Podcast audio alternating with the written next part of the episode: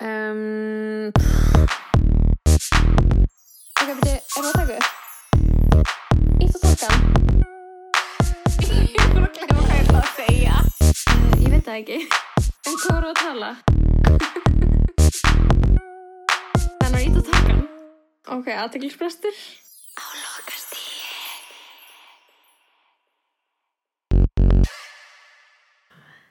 Hey bitches! Guð.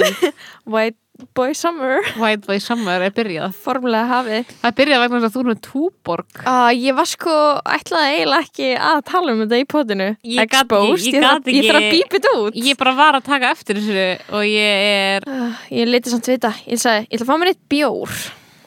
Ég held ekki að þú væri smá djóka, skilur hvað menna. Já, já, já. Já, ég, það er alveg eitthvað sem ég myndi djóka með. Og ég er í djóki að taka sopa á honum. Ég held ég myndi taka svona tvo sopa Já. og þetta er, svo er ég að opna kristall líka. Já. Ég er í tveimur drikkjum. Það er best, sko. Það er Mm. best að vera með svona 23 drikki Um, og varasalva.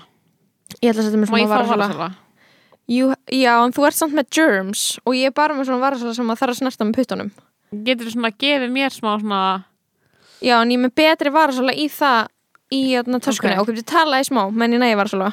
Um, ok, hvað er ég að sportskast á því að lóa sig að ná í varasala fyrir mig og því að við erum bara svona nein, við viljum bara að þið fá insýn inn í hvernig líf okkar er í raun og veru Ok, ég var að vonast til þess að Heyrðu. þetta kannski bara byrja að spjalla um eitthvað annað en ekki, Já, þetta var svo ok. augljóslega filler content. Já, það er rétt. Líka ég er búin að vera með sko mjög þurrar varir að það er mikið svifrik í loftinu þessu hlustunir Já, á eflust ekki eftir Hvað ertu, homopati? Joke. Homopati er alltaf með eitthvað svona tengingar. Heyru, já, þú ert náttúrulega hjá svona símamastri sem snýr í vestur, þannig að þess vegna ertu með þurra húð og lítil sjáöldur. Ég ætla að gefa þér sko, sigurpillur við þessu. og það er svona dót sem mamma mín alltaf segja við mig eins og hún er hægt að taka aðtilspress sín uh, af því að hún telur að þau valdi henni vöðvaverkjum. Hún er nákvæmlega ekkert. Æ, æ, það er nákvæmlega ekkert Það bakari getur ekki verið bara aldrei fyrir störf. nei, það, Það það ekki Nei. hann er alltaf að hætta aðtilspress sín sem er sko til trafala fyrir mig sem náinn Já, aðstanda það bytnar á þér bókstala, það bytnar mest á þér. Uh, herðu, þetta er fýtt segvi yfir það sem ég vil ræða í eiginlega hverjum einsta þætti á aðtilspresta lokasti sem er uh, livja inntaka mín. Já, og guð minn góður ef ég er ekki bara með besta case study af bara virkni ADHD livja já, þessi þáttur bara. Já þessi þáttur sko uh, hvernig á ég lýsi þessu? Eins og þegar við tókum upp semst þátt þá var ég í, þá var ég í svona, þá var ég í svona djúpu þunglindi mm -hmm. bara, þá var ég í svona COVID-bugun. Mett. Vá, mér er það bara svona þetta, þetta orð er trigger fyrir mig. Já, ekki hugsa um Já, þetta. nei, ok, ég er að fara yfir skemmtilega. Og svo þarna af ótilgrindum ástæðum sleppið að taka lif í nokkra daga.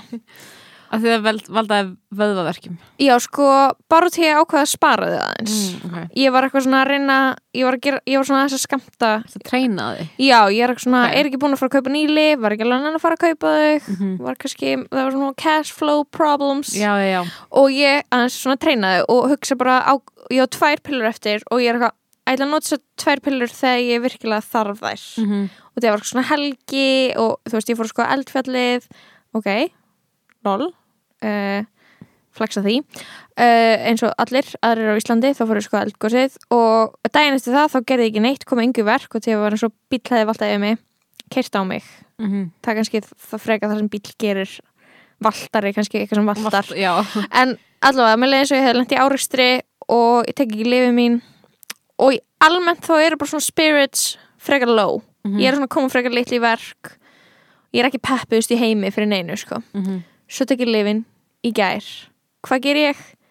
hleyp 10 kílometra fæ 7000 hugmyndir sendi skilabóð á alla bara svona update bara update hvað bara ég með þessa hugmynd, ég með þessa hugmynd ég með þessa hugmynd, þetta, þetta, þetta já, þú bara, komst heim til mín með ostaköku ég kom heim til því með ostaköku vissulega um, já, og svo í dag dagur tvö af því að um, taka lifin uh, líka í geggjöskapi ég fann upp tvo nýja liði fyrir þáttinn. Ok, ok, já. Um, ég er bara ég hef aldrei verið svona peppuð og þetta er bara skilur ég án lifja, ég er með lifjum sko. Mhm.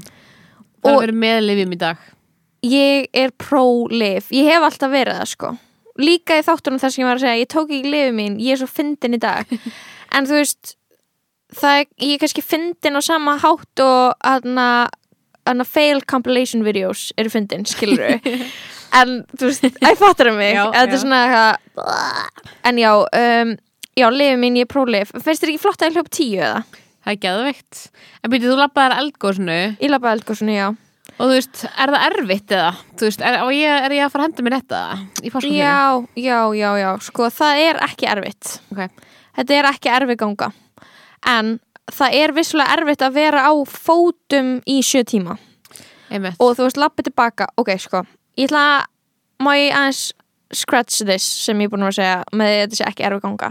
Uh, Í rauninni er kaplanir sem eru brattir frekar stuttir. Mhm, Þetta er ekki, þetta er léttar en esjan. Mhm. Þetta er léttar en Ok. esjan. Uh, Ég myndi segja í erfileika þá væri þetta svolítið svona eins og að, að koma sér upp á Helgafell Já, eða Úlfarsfell nema ég myndi að vera sérst að lappa svolítið lengi áfram. Já, já, já, og heldur áfram og svo, svo í runni ertu þarna inn að skoða og við fórum eitthvað svona vinstra með við gósið og það er maður að lappa í brekku en þú veist, jú maður er að lappa í halla sem er upp á jafnvægi en þú veist það sem ég finnst erfiðast í fjallgöngum er þegar ég er geðið lengi í bratta þá Mhm. bara svona springi og bara Mhm. geðið erfitt skilur en uh, þetta er ekki mikil bratti Mhm. en, en já og það sem ég ætla að bæta við er það gerir þetta miklu erfiðara að þarna þegar það kemur hálka og snjór Já. þú veist, og líka þú veist maður, þarf- maður, er oft, maður er stundum í smá svona ljós, lausu grjóti þannig að þú veist uh, úthaldslega og svona sprengikraftslega myndi ég segja bara mjög fínt. Mhm. en svona eitthvað tæknilega og svona what's your step? Já, smá tricky, skilur ok, ok. Þetta er gott Þannig er, sko. er, þetta, er þetta ekki bara svona svo, ekki svona, ve- veistu ekki svona sirka hverju áttu vona Jú, já. sko og svo ertu aldrei að fara að týnast út af þetta eru þúsundi manns. Já, þú ert einmitt. basically í hóp allan tíman Já, þú getur, þú veist, á tímapunkti var ég bara eitthvað, ég þarf ekki höfuljós út af því að þeir eru basically eins og ljósastaurar já. fyrir brekkunni, Og skilur þú fórst hún um kvöld, einhvern veginn. Já, ég sérst laðast það svona sjö frá bílastæðinu Mhm.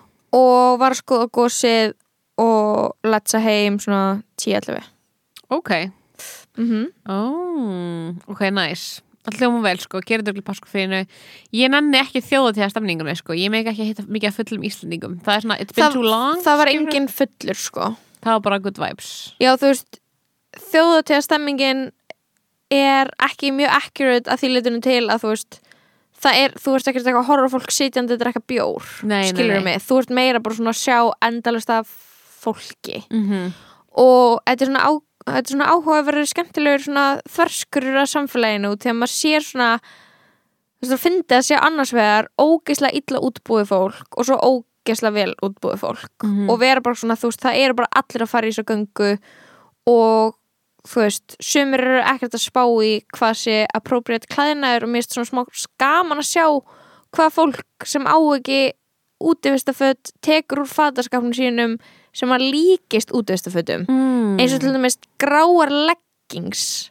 Já, ég var eitthvað svona, hm, þið finnst þetta minna á eitthvað, þið finnst þetta vera eitthvað svona kannski smá íþróttalegt. Það er svolítið svona, svona- það sem ég gerir, sko Því ég á ekki útust föt Eitthvað Ég svona, er þú eitthvað. valdir gráar leggings Mhm. þær geta einhvern veginn svona verið eins og eitthvað svona útivistaböksur þegar þær eru runni hræðileg flík til að vera í útivist þær eru bæði gett þunnar þú dettur þá bara skilur ripna er að blotna þá ertu bara blöyt. Þetta er bara svona ekki, Já, ég hugsaði bara, er þetta ekki kalt skilur Mhm. og svo líka svolítið áhugavert að sjá fólk í Timberland skóm já, já. Sem eru bara svona skór svona götuskór. Já, ekki útvistu skór nei. En þeir kannski bara lúka smá þeir lúka, þeir nefnilega minna á gönguskó og svo Já. sá ég gælu í hábotna Dr. Martens og ég hef aldrei á æfi minni, ég er í einu slíkum núna, eins og sér hérna Mhm. og þetta minnir mig á, á næsta á fyrsta liðin sem ég ætla að kynna Ú, ok í hérna tveimur nýju liðunum mínum er ég, ég er aldrei með slæmt í jafnvægi og þarna á þessum skóm Mhm. þannig ég vorkendinni í þessari göngu að Já. vera í hábotna Dr. Martens Já, ég er bara að vinna með eitthvað svona Ég er bara að vinna þú ert með actual gönguskó Já, ég er með gönguskó Svo verði ég í einhverjum svona ullar ullar nærfötum Nei, þú veist, ullar hérna Föðurlandi Föðurlandi Mhm. og þú veist, buksum yfir sem eru basic, skiluru og úlpu Mhm. Það er ekki bara bara mjög næs Mhm. Er- hlýtt eyrnaband það er verið það sem ég er að vinna með Jú, þú veist, það er bara megan, sko uh, ég er ekki eitthvað svona fjallgöngu expert, þannig að ekki eitthvað svona meira hlusta sem veit meira um þetta ekki brjálast, en það sem ekki eftir mikilvægt er að geta, þú veist tekið af sér layers og bætt af sér Mhm. layers út í að, þú veist, ef þú ert til dæmis með einu úlpu, þá kannski kaplanum upp er það ógislega heitt og svitnar og svo þegar þú þarfst að setjast í hana niður og horfa gósið og hefur ekkert annan nema hlý úlpuna Mhm. þá er hún alltaf í hann skýt köld út því að þú ert bara gett sveitt Einmitt. þannig að þú veist, ef þú ert að ganga þá á þér ekki að vera ókslega heitt þér á bara að líða vel á gangi Einmitt. og svo sestu niður og þá ferðu í hlýjufötin þetta er eitthvað svona gott svona fjallgöngu hakk sko. Mhm. og svo er líka mjög mikilvægt að geta verið veri í ykkur regnheldu og því að ef þú ert ekki í regnheldu og það byrja að regna þá ertu fucked Mhm. en um, já, svo en ég verð samt eiginlega að taka fram líka það sem ég ætlaði alltaf að segja á þann er bara eitthvað mér finnst líka smá stjætta ofbeldi að segja með fólk sem er illa útbúið sem fyrir að skoða gósið og því er bara eitthvað, ég bara eitthvað, ok, þú veist allt þetta kit sem maður er í Mhm. Kostar það bara kostar ógislega mikið en þú veist, já. Og en svo er líka partur af þessu, þú veist, eins og þarna, ég var að spjalla um þetta við kunningi minna, hann var eitthvað, já, en þú veist svo er líka bara fullt af einhverjum ekki ríkum Íslandingum sem eru samt líka fárlega útbúnir. Mhm. þú veist, bara eitthvað, eru kannski gett þarna dýrri úlpu sem svona samt henda enga við nýta. Já. en svo líka annað sem er bara að þú getur alveg farið upp í íþróttaböksum og, og íþróttaskóm sko Mhm. þú deyrið ekki nema að komi ógislega mátt veður Akkurat þetta er svolítið bara það, skilur Mhm. þú ert bara eitthvað langt í burtu frá bílniðinum Mhm. og ef það kemur skýta veður þá er það bara frá lið og sleitla Einmitt, og það er langt í bílinn. Þú getur ekki hoppað í bílinn og skipt, mm -hmm. En ok, ok, hvað er hva, Ég er mjög spennt fyrir þessum nýju sem Ný, nýliður, sögunnar. ok uh, ég fekk þessu, hum, þessu hugmyndaðan um, nýliðurinn í þessari viku heitir Rate My Outfit. Og því Ok. að ég er í outfiti sem svona hljóma smá fárlega ég er með sko tie-dye hárband Mhm. ég er í blazer og hættupessu yfir. Ég er, í, ég er að púla hoodie og blazer. Ég er að fíla það, sko. Og svo hérna buksur og skór sem eru bara svona svart og skiptir einhver máli. En aðalmáli er tætaði hárbandi sem ég bjóð til sjálf. Mhm. og svo er ég líka með hálsmenn sem ég bjóð til sjálf sko, mér erst ákveðið svona Sko, ef við erum að reyta, þú veist já, Áttu því hvað annari. Uh, já ég hugsaði bara eitthvað rate my outfit fyrir mig sko, en þú út af því að ég, ég var eitthvað svona er þetta eitthvað, er, er þetta ekki eitthvað? Og ég ætla að setja mynd á Patreon svo Patreons getur verið eitthvað þetta er ekki it Já, eða já, já. strangely it works. Út af því að þú veist það var árið 2021 enginn endilega byggja mig um að vera í hoodie og blazer skilur Nei. en er það mögulega Það er alveg mögulega eitt, sko Því að ég myndi alveg gefa þessu átvitti alveg mjög háa Þú veist, háa rating, skilur ertu sátt með þetta? Ég er mjög sátt með þetta því að tæta ég gefur þessu eitthvað svona edge sko sem að hefði ekki annars verið staðar skilur þú hefði bara verið með blazerinn og hoodie skilur Mhm. en þú ert bara svona, þú ert bara nett sko Er það? Já. Ég var að segja á hann þegar þú varst hann frammi og ég var eitthvað, þú ert nett í dag skilur Sæður það við mig? Já. Ég tók ekki eftir því Ég kannski var, þú er bara að býða the pot Oh my sko. god, þú, ég tók ekki eftir því út af því að þá, hérna, já ok, sko já, ég ég er, er bara eitthvað svona að prófa áfram í þessu sko. Ég er ekki mun að fara inn að blazer og óksla lengi. Og ég var eitthvað, hvað ef ég fer í hann yfir hættupesuna Crazy, uh, but it worked. Mm og stundum þegar maður tekur bold ákvarðanir í, í fashion, þá borgaði þessi bold ákvarðanir í fashion pay off. Ég nefnilega sko vil ekki láta reyta átfittu mitt skilur, ég mun kannski koma í einhverju næst sem að ég vil láta reyta ok, skilur. næst reytum við þitt outfit. að því ég var bara eitthvað svona heima eitthvað Mhm. cozy fötum skilur, hendi mér þú didn't dress up for the pod didn't dress up for the pot sko. þannig að við erum alls ekki á jafnum grundvelli en í kvöld nei, sko. nei, nei, nei, nei En ok, sko, talandi um hérna outfits og eitthvað, þá ætla ég bara út af því að ég tweetaði uh, fyrir töndu, þá tweetaði ég um þáttinn í dag sem við erum að taka upp í dag Mhm. Ég þóli ekki, þú veist, ég þóli bara ekki að segja talandi um, það maður að tala um þetta en uh, þetta með outfitin er bara að minna mig á fyrirbarið White Boy Summer sem að snýst að mörguleiti um útlitt og tísku og klæðinað er sko- tísku og klæðina hvítra kallmanna svo fyndið, þú veist þetta er bara eitthvað svona ég man þegar ég sá þetta vídeo og ég hugsaði bara eitthvað svona þessi gaur er fyrsta lagi stupid. Þú vissir, er þú vissir á þenn tímpúnt að vera Nei, svona Tom Hanks. nei, ég vissi ekki, ok, sko. ok. Og, og ég var bara eitthvað svona, ok, þessi gaur er bara eitthvað þú veist, eitthvað freðin eða eitthvað og er bara eitthvað svona Mm. að fá eitthvað stupid hugmynd að setja hann á TikTok. Ok, en mér fannst þetta samt svona, ég vissi hann væri ekki þegar hann var eitthvað svona, ég er ekki að tala um eitthvað Trump dæmi og ég var eitthvað, já, þú fattar þetta ekki að, þú veist. Þú um, fannst, fattar ekki kon, bara þú konteksti við að þú sett að segja Já. white boy summer en á saman tíma var eitthvað svo hilarious að hann fattaði það ekki.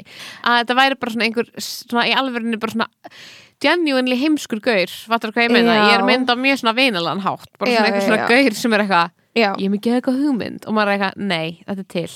Eitthvað svona, þú, þú ert ekki að finna upp eitthvað nýtt, þú ert bara eitthvað svona að reyna að gefa einhverju sem er til nýtt nafn það er bara internet í hótskurð það er samfélagsmiðlun hótskurð en já, ég tvíta eitthvað, mér finnst það næstu þáttur aðeinsprestari ef fjallum Chet Hanks og White Boy Summer hvað finnst þér, Salka og ykkur hlustundum og þetta fekk strikingly shockingly high number hérna 13 like, skilur þannig að, sko Þetta væral, kannski var ekki-. Já, ég, sko, því að mér langar að fara í svona djúpa, djúpa fréttaskýringu á þessu. Ok, út af því að þarna en það er kannski ekki það sem hlustundur kalluð eftir. En ég held 13 þú veist, ég er bara svona það peppuð bara það skilur mikið nýbúin að hlaupa, nýbúin að hlaupa 10 km með tætaði hárband að ég er bara mér liður eins og ég geti gert þannig að gera borgarstjóra æ, skilur mig, mér liður eins og ég, ég, ég er svona Leslie Knope gagast þessum gaur. Já, já, já. Ég er svona ég myndi deyja fyrir hann, skilur ég Í það alvörunni? peppu fyrir hann Vá, hvað peppu fyrir fyndið. honum. Já sko, þarna út af því að þetta er ekki mín fyrstu kynni af honum. Nei, hann var svona kunnulega nefnilega. Mér langar svolítið, þú veist, ég þarf vel Ég- að ég dig sko, deep, sko, það til sem- að vita hver, nákvæmlega hver þetta er. Já, því að það sem ég er búin að gera uh, í, þarna, í þætti dagsins er ég búin að tengja síma minn við, við græjuna þannig að þú veist ég get spilað eitthvað beint af du, du, du, þú veist, úr símanum og ég þarf ekki að vera að gera drastli sem við vorum að gera seinast sem er bara til marksum á hversu bara svona hversu tæknilega þróar þessi þáttur er Já. orðinn, sko. Sko, fyrstu kynni mín af Chet Hanks sem er uh, sonur Tom Hanks það er þegar hann byrjar að tala patois á Golden Globe Red Carpet sem ég er, ég er að spá ég að spila það bara fyrir ykkur Gekjað. svo að, þú veist, við höfum öll bara svona sama backstory í þessari umræðu Big up, big up the whole island massive. It's your boy Chatana coming straight from the Golden Globes, you want saying? Me see me father Tom Hanks presenting in a what soon forward come. Big up, tune in. Oh my god. Big up.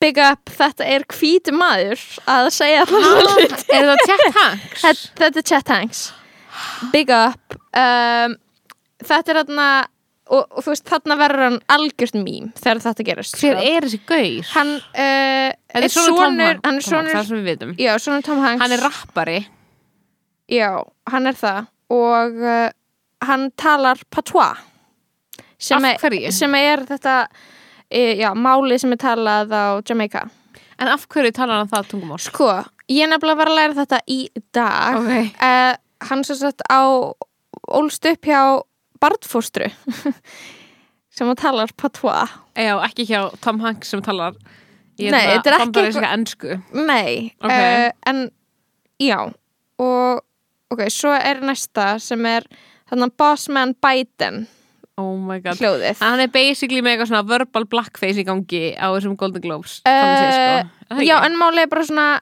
þú veist, hann er alltaf svona.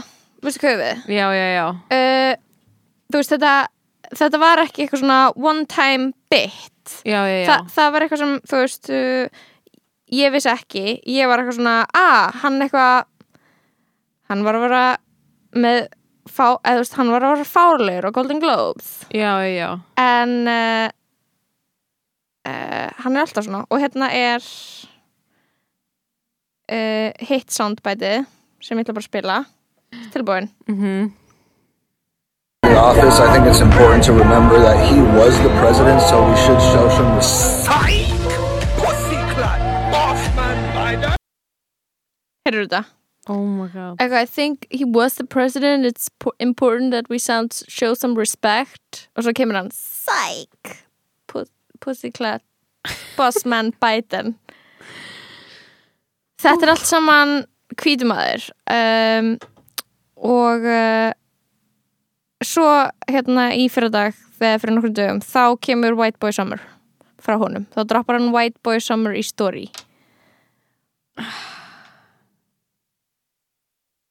Þetta er rosalegt sko, þetta er rosalega gaur. Já, já, já.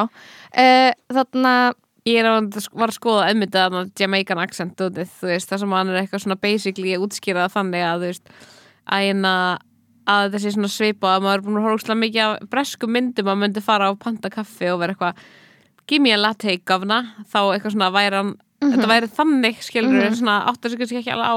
Ég held að ég held að þarna sé einhver mhm, með ekki, þú veist, skarpast að nýfin í skúfunni, skilur mm en plattform svona að, þú veist, að því svona by association þá Hann- svona er öðvöld fyrir að verða eitthvað svona smá frægur skilur en hann er trúður líka Já, hann er þurfum trúður. að aðtöða það í þessu öllu saman ok, ég ætla bara að spila actual fyrsta White Boy Summer dóti sem verður væral Já, ok, tveir og Wow, wow. Woke up this morning, internet gone mad again. Sheesh. Um, but just want to drop a few uh, rules and regs for uh, the white boy summer. Okay, rule number one uh, to all my white boys out there: no plaid shirts. Okay, can't be looking like a picnic table out here, boys. Uh, you know what I'm talking about. Leave that shits at home. The uh, vineyard vines and you know Ralph Lauren or whatever the fuck. Leave that shit at home. Uh, just put on a black tee, a white tee. You know what I mean? Keep it simple. Uh, rule number two: no Sperry topsiders. That's not the kind of white boys we're talking about, dog. Okay? Uh, get yourself some Vans, some Ducks, some Jordans. I'm not really a sneakerhead, but you know, feel it out. Uh, and uh, there'll be more rules coming. Oh yeah, yeah. No calling girls smoke shows. oh my god, þannig að þetta er basically uh, hvítur gaur, sonur celebs að tala en þetta var ekki að fyrsta sem að kom ha, var þetta ekki það fyrsta? Það fyrsta sem kom var original það sem hann sagði í það verður White by Summer í sumar Já, já, ok, ok, ok. Ég sá, ég sá bara þegar reglunar komi Ó, bara rule, rules ég for white boy summer. Ég verði það að Málið er samt að ekkert sem hann segir er ránt Það er bara meira svona hvernig hann orður það sem er trúðaleg en uh, já, það sem að er uh, við þetta allt saman er að hann er í rauninni með eitthvað skonar white guy for the white white eye for the white guy queer eye for the straight guy. Það sem að hann er skilur white en augljóslega innan gæðslapa cultured og þarna hangir grannlega mjög mikið með svörtu fólki. Og þarna og finnst hann bara vera eitthvað svona svolítið tilhera einhverjum hópi sem kannski tilhera ekki racially skilur og hann er eitthvað svona þetta er ekki nett. Og máli með sko hvíta bandarinska kallmenn ef þeir þurfa á ef þeir eru upp til hópa ógisleir Já, til já. fara. Já, og bara þú veist fötin sem þeir klæðast og bara svona og svo er, svo er það ekki bara það hvernig hann sko talar um föt heldur fer hann líka út í sko etiquette, svona framkomi já, já. og fyrir að tala um, þú veist, ekki tala um að þegar þú ert fullur Mhm. í alvörunni, louder for the people in the back. Hver hefur ekki lent í fullum bandarskum kallmanni sem er eitthvað, hu, þú veist, hérna Já, skilur og svona broski stemming sko, svona beer me veist, beer me stemming skilur og og þú veist, fyrir utan það að hann sé alltaf að segja white boy summer þá er þetta það er bara eitthvað óendalega sko fyndið við að term. Það er eitthvað svona það er eitthvað svona djúb fyndið við að segja að það sé white boy, summer einhver gaur og maður er eitthvað nei, það er engin, það er það sem er mjög fyndið við það er að það er engin að fara að hoppa á þessu lest skilur hvað ég meina, einhverju hvítugur að jú en þú veist, það er engin að fara eitthvað já, allir er sammála því að það verður eitthvað white boy summer á sama hátt og maður er sammálaðið að það var hot girl summer. Það er svo mikið downgrade. Já, það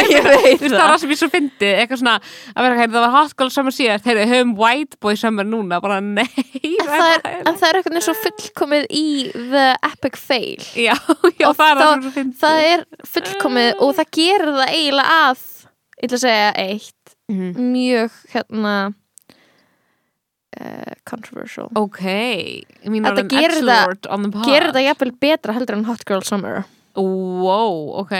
Ég út af því að það. þetta er svo mikið Þetta er þarft, Þetta- meinar, það þarf á N- nei, ég nefnilega þetta er fullkomlega óþarft. Skilur í rauninni þetta, þetta hefur ekki, þú veist ef það er einhver hópur sem er búin að þarna, sem að internetið rejectar að einhverju leiti í svona einhverju svona social justice uh, samhengi skilur þá er það bara hvíti kallmenn skilur þannig að Hot Girl Summer er óslega mikið að hoppa á okkur svona OnlyFans, Female Já. Empowerment Megan, Megan Thee Stallion já, já. lest sem er eitthvað svona þú veist, alveg bara svona extra current og bara svona, veistu hvað við bara Mhm. svona og White Boy Summer er bara skilur eins og að panta pítsu og fá sparró. Og þú veist og, í, og það sem er best við internetið er grínið, er Mhm. cringeið Mhm. er hvað, fólk, hvað hlutinir eru fárulegir Hvað þú fær bara heimskulegar hugmyndir inn á borðtíðin Þú fær bara svo, mikið Já. hugmyndum í síma þannig að hvítum maður sem talar patois og talar um White Boy Summer er epíst út af því að það, það, þú hefur ekki getað samið þetta þú hefur Já. ekki getað þetta er ekki carefully crafted Og það er bara svo indislegt að geta gert svona genuinely grína einhverjum, skilur bara svona, þetta er bara gott moment til þess að fá bara, já, ok, við erum allir fara að vera Ég held- held þeir eru ógstlega fyndið. ég held hann sé klárari heldur en við höldum hann sé. Þetta er þessi in on the joke. Já, já, Heyrðu, hann, en- er, hann, er, hann er gerð, ég held að þetta sé fullkomi grín hjá honum. Já. líka, eh, ekki grín en svona Þetta er sko fyrsta White Ok, Boy Summer. Það ok, sem var komin, þetta er bara hlusta- hlustum á fyrsta the first appearance of White Boy Summer sko. ok, playum þetta. Hey guys, um, look, I just wanted to tap in really quick. I just got this feeling, man, um, that this summer is uh, it's about to be a white boy summer. you know, take it how you want. I'm not talking about like Trump, uh, you know, NASCAR type white. I'm talking about you know, you know, me, um, John B, Jack Harlow type white boy summer. You know what I mean? Let me know if you guys uh, can vibe with that and uh, get ready. You know, because I am. Oh my god, ok. Þetta var The Missing Puzzle. Já, Núna já, skil ég okkur ég og þú vorum ekki að upplifa þetta eins. Já, Út af því að hann Þetta hljóma náttúrulega Út af því að þeirra segja I'm not talking about Trump or NASCAR Og maður eitthvað Ok, býtu en nú er ég að hugsa um það. Já, en nú er ég að hugsa um það Akkurat. Oh my god, hvað er Og svo ógeðslega fyndið, fyndið. Æ, svo hann hafði bara vaknað í daginn. I just got this feeling. It's gonna be a white boy summer. Og maður bara, mm. Hann, hann er náttúrulega sko Með merch Já, Sem er stendur að á síðan- White Boy Summer Og Black Queen Summer Málið er, það sem hefur 100% gert þig að fólk er eitthvað svona, hvað er að þér að þú veist, bara svona Þannig að hann var fara eitthvað að bakkast. inclusive with Þannig the að king. hann, þannig að hann á bara svona einum degi ákvaða að hann var ekki bara að fara að búið til eitthvað white boy summer, ógeðslega bóli með einhverju træp með einhverju svona træbal þetta er svona svarti bólir með hvítu svona træbal Já, þú, ef þú googlar White Boy Summer merch þá er fyrsta sem kemur upp Chad Hanks criticized for using racist font. Auðvitað kemur það. Sorry, auð, hann bara hann bara how could he not, skilur og svo að vera ákveða að þetta sé svona inklúti líka aðra hópa og er eitthvað svona Black Queen Summer eitthvað Black King Summer uh, Latin King Summer. Brown Boy Summer. Brown Boy Summer. Asian Girl Summer. Já, og maður er eitthvað svona ok, nú ertu basically nú, nú ertu bara crazy, skilur nú ertu bara að vera bara en hann er, þetta er satt, hann er trúður. This Hann er trúður. Hann er og bara Hann er algjör, ég elska að trúða. Mhm. og líka bara þú veist, ég til dæmis eins og Hollywood heiminum það sem að skilur það er alltaf verið að hafa all, það er alltaf fullkomin stjórna öllu. Það er alltaf bara svona, þú veist, Mhm. það bara mætir á red carpet. Já, já. Þú veist, og það er bara skilur jakkaföt sem var bara búið að plana marga mánuði fram í tíman og du, du, du, du, du, og svo kemur sonin og hann er bara big up, Bossman Biden. Þá erstu bara eitthvað, ok uh, þetta er hræðilegt. Mhm, og s- en þetta er samt þetta er bara eitthvað, svona gaurur til. Já, svona hvíti gaurur sem dyrka þannan kultúr og appropriate hann it's a thing og, og það er áhugavert hann komist upp í svona algjörlega sko Þetta og líka væri bara það, já. þetta er eitthvað svona sonur Tom Hanks og ég er eitthvað, where does Tom Hanks stand on Já, this? og maður er eitthvað, hvernig er þeirra samband? Er það er líka svo fyndið út þetta er Tom Hanks Tom Hanks, skilur bara eitthvað episku leikari, eitthvað svona dramaleikari búin að leika eitthvað svona búin að vera Hún eitthvað búin að svona leika good guy í hverju einustu mynd senstu 40 ára eitthvað röttur réttlæðisins í Já. einustu mynd. Og svo á hann bara eitthvað svona gaur eitthvað Jamaican Nanny. eitthvað hvítan low life Gaur með, með bringutattu. Með bringutattu. Ég er samt sko það, það er samt eitthvað svona þannig, wave það er lífið, that's life. það er eitthvað svona wave sem er eitthvað svona hvíti gaurar að praktisa self-love. Já, það er eitthvað wave. Ég væp alveg með því og þarna og ég held að þetta sé eitthvað svona I have a feeling it's white boy summer. Og því að hann er bara, er bara hann er bara vera eitthvað hann er bara eitthvað, ég held að það veri mitt sumar. Og því að þegar það segir eitthvað I'm not talking about Trump or NASCAR. I'm talking about me. Hann Me, er bara eitthvað my friend Joe, hann eitthvað nettir eitthvað á sem ég ekki hugmyndum hver er. þekkir eitthvað tvo hvíta gauðra. En ég held að hann umgangist mjög mikið af svörtu fólki og greinilega eitthvað svona, þú veist, dyrkar þá menningu. Já, sem hann er alltaf eitthvað svona eins og þarna var í Instagram-vídeóðan sem hann er eitthvað við vinni sér eitthvað, "Bl- ja, Black King Summer þú ekki með því, hann bara júmaður og ég er eitthvað svona, ok. Þú Eh, að- ert surrounded by yes people here. Já, ég, en ég held að hann skilur upplöfu sér sem white boy út af því að hann Já, er white boy við, Já, með í ykkur svona, þú veist, hópum sem að hann umgengst. Já, en nú, nú langar maður að fara yfir í menningarnáms eða menningar uh, hvað er hitt orðið sem er ekki, nei, ekki neikvætt? Menning, Það er ekki menningarnám cultural exchange Já, cultural appreciation versus Appreciation. appropriation. Og þarna, og maður langar að taka þessu umræði en maður langar bara að gera með þessum fyrirvara að uh, ég er náttúrulega hvítmannaska ég hef ekkert authority í að ákveða hvað sé appropriate uh, appropriation eða hvað sé fyndið skilur mig, bara eitthvað hef það ekki, þú veist. En mér finnst ógstlega áhugavert að pæli því. Af hverju hann má ekki tala það er enginn að banna honum það, fólk er bara að hlæja á honum fyrir að gera það. Það, er, það er ekki, ég er ekki búin að sjá mikið outrage. Það er aðalega bara fólk að deyja úr hlátri. Mhm. og þarna yfir að hann sko að hvítum maður tali patois. Og svo erum við annars vegar með rapparan Drake sem að uh, er ekki alveg upp uh, í Jamaica. Hann er alveg upp í Kanada vissulega í kringum svart fólk sem talar svona Mhm. alveg upp á hvítri mömmu sinni. Og tíu ár er enginn Drake sérfræðingur tíu ár inn í ferilinn þá tekur hann inn svona þennan talsmáta breytir hann sem væp um stemmingu og þú veist eitthvað svona man þú veist þetta hérna allt þetta dæmi skilur sem hann gerir og tja uh, þú getur sagt skilur ok, já, Drake má gera það til hann er svartur en þetta er jafn mikið einhver manneskja að tala með reym sem er ekki þú veist, þeirra Þeirra, já, mother tongue, eða skilur mig Mhm. En það er náttúrulega bara, þú veist, einmitt aðna, þessi switch sem að er sko problematískur við það út af húðleitt, skilur sem er ekki, sem eru bara reglur sem að hvítfólk bjó til með því að, skilur bara svona Mhm. að því að það bjó rasisma til, skilur hérna, er þú veist að þú sem hvítmannski getur einmitt verið eitthvað að taka þér einhverja accent innan þíns kynþáttan og getur ekki gert það utan hans eins og, eins og hann var að byrja þetta saman við ef hann var eitthvað að leika að maður með breskan hreim og maður er eitthvað að það er svo auglúslega ekki það sama mm skilur er það ekki málið? Að en, veist, en ég er að hugsa, er, er Drake að byrja að tala patois? Er það ekki eins og ég væri að fara að tala með þarna ítölskum hreim allt í já, ég held það, en svona þetta er en, Ilaria Baldwin all over again.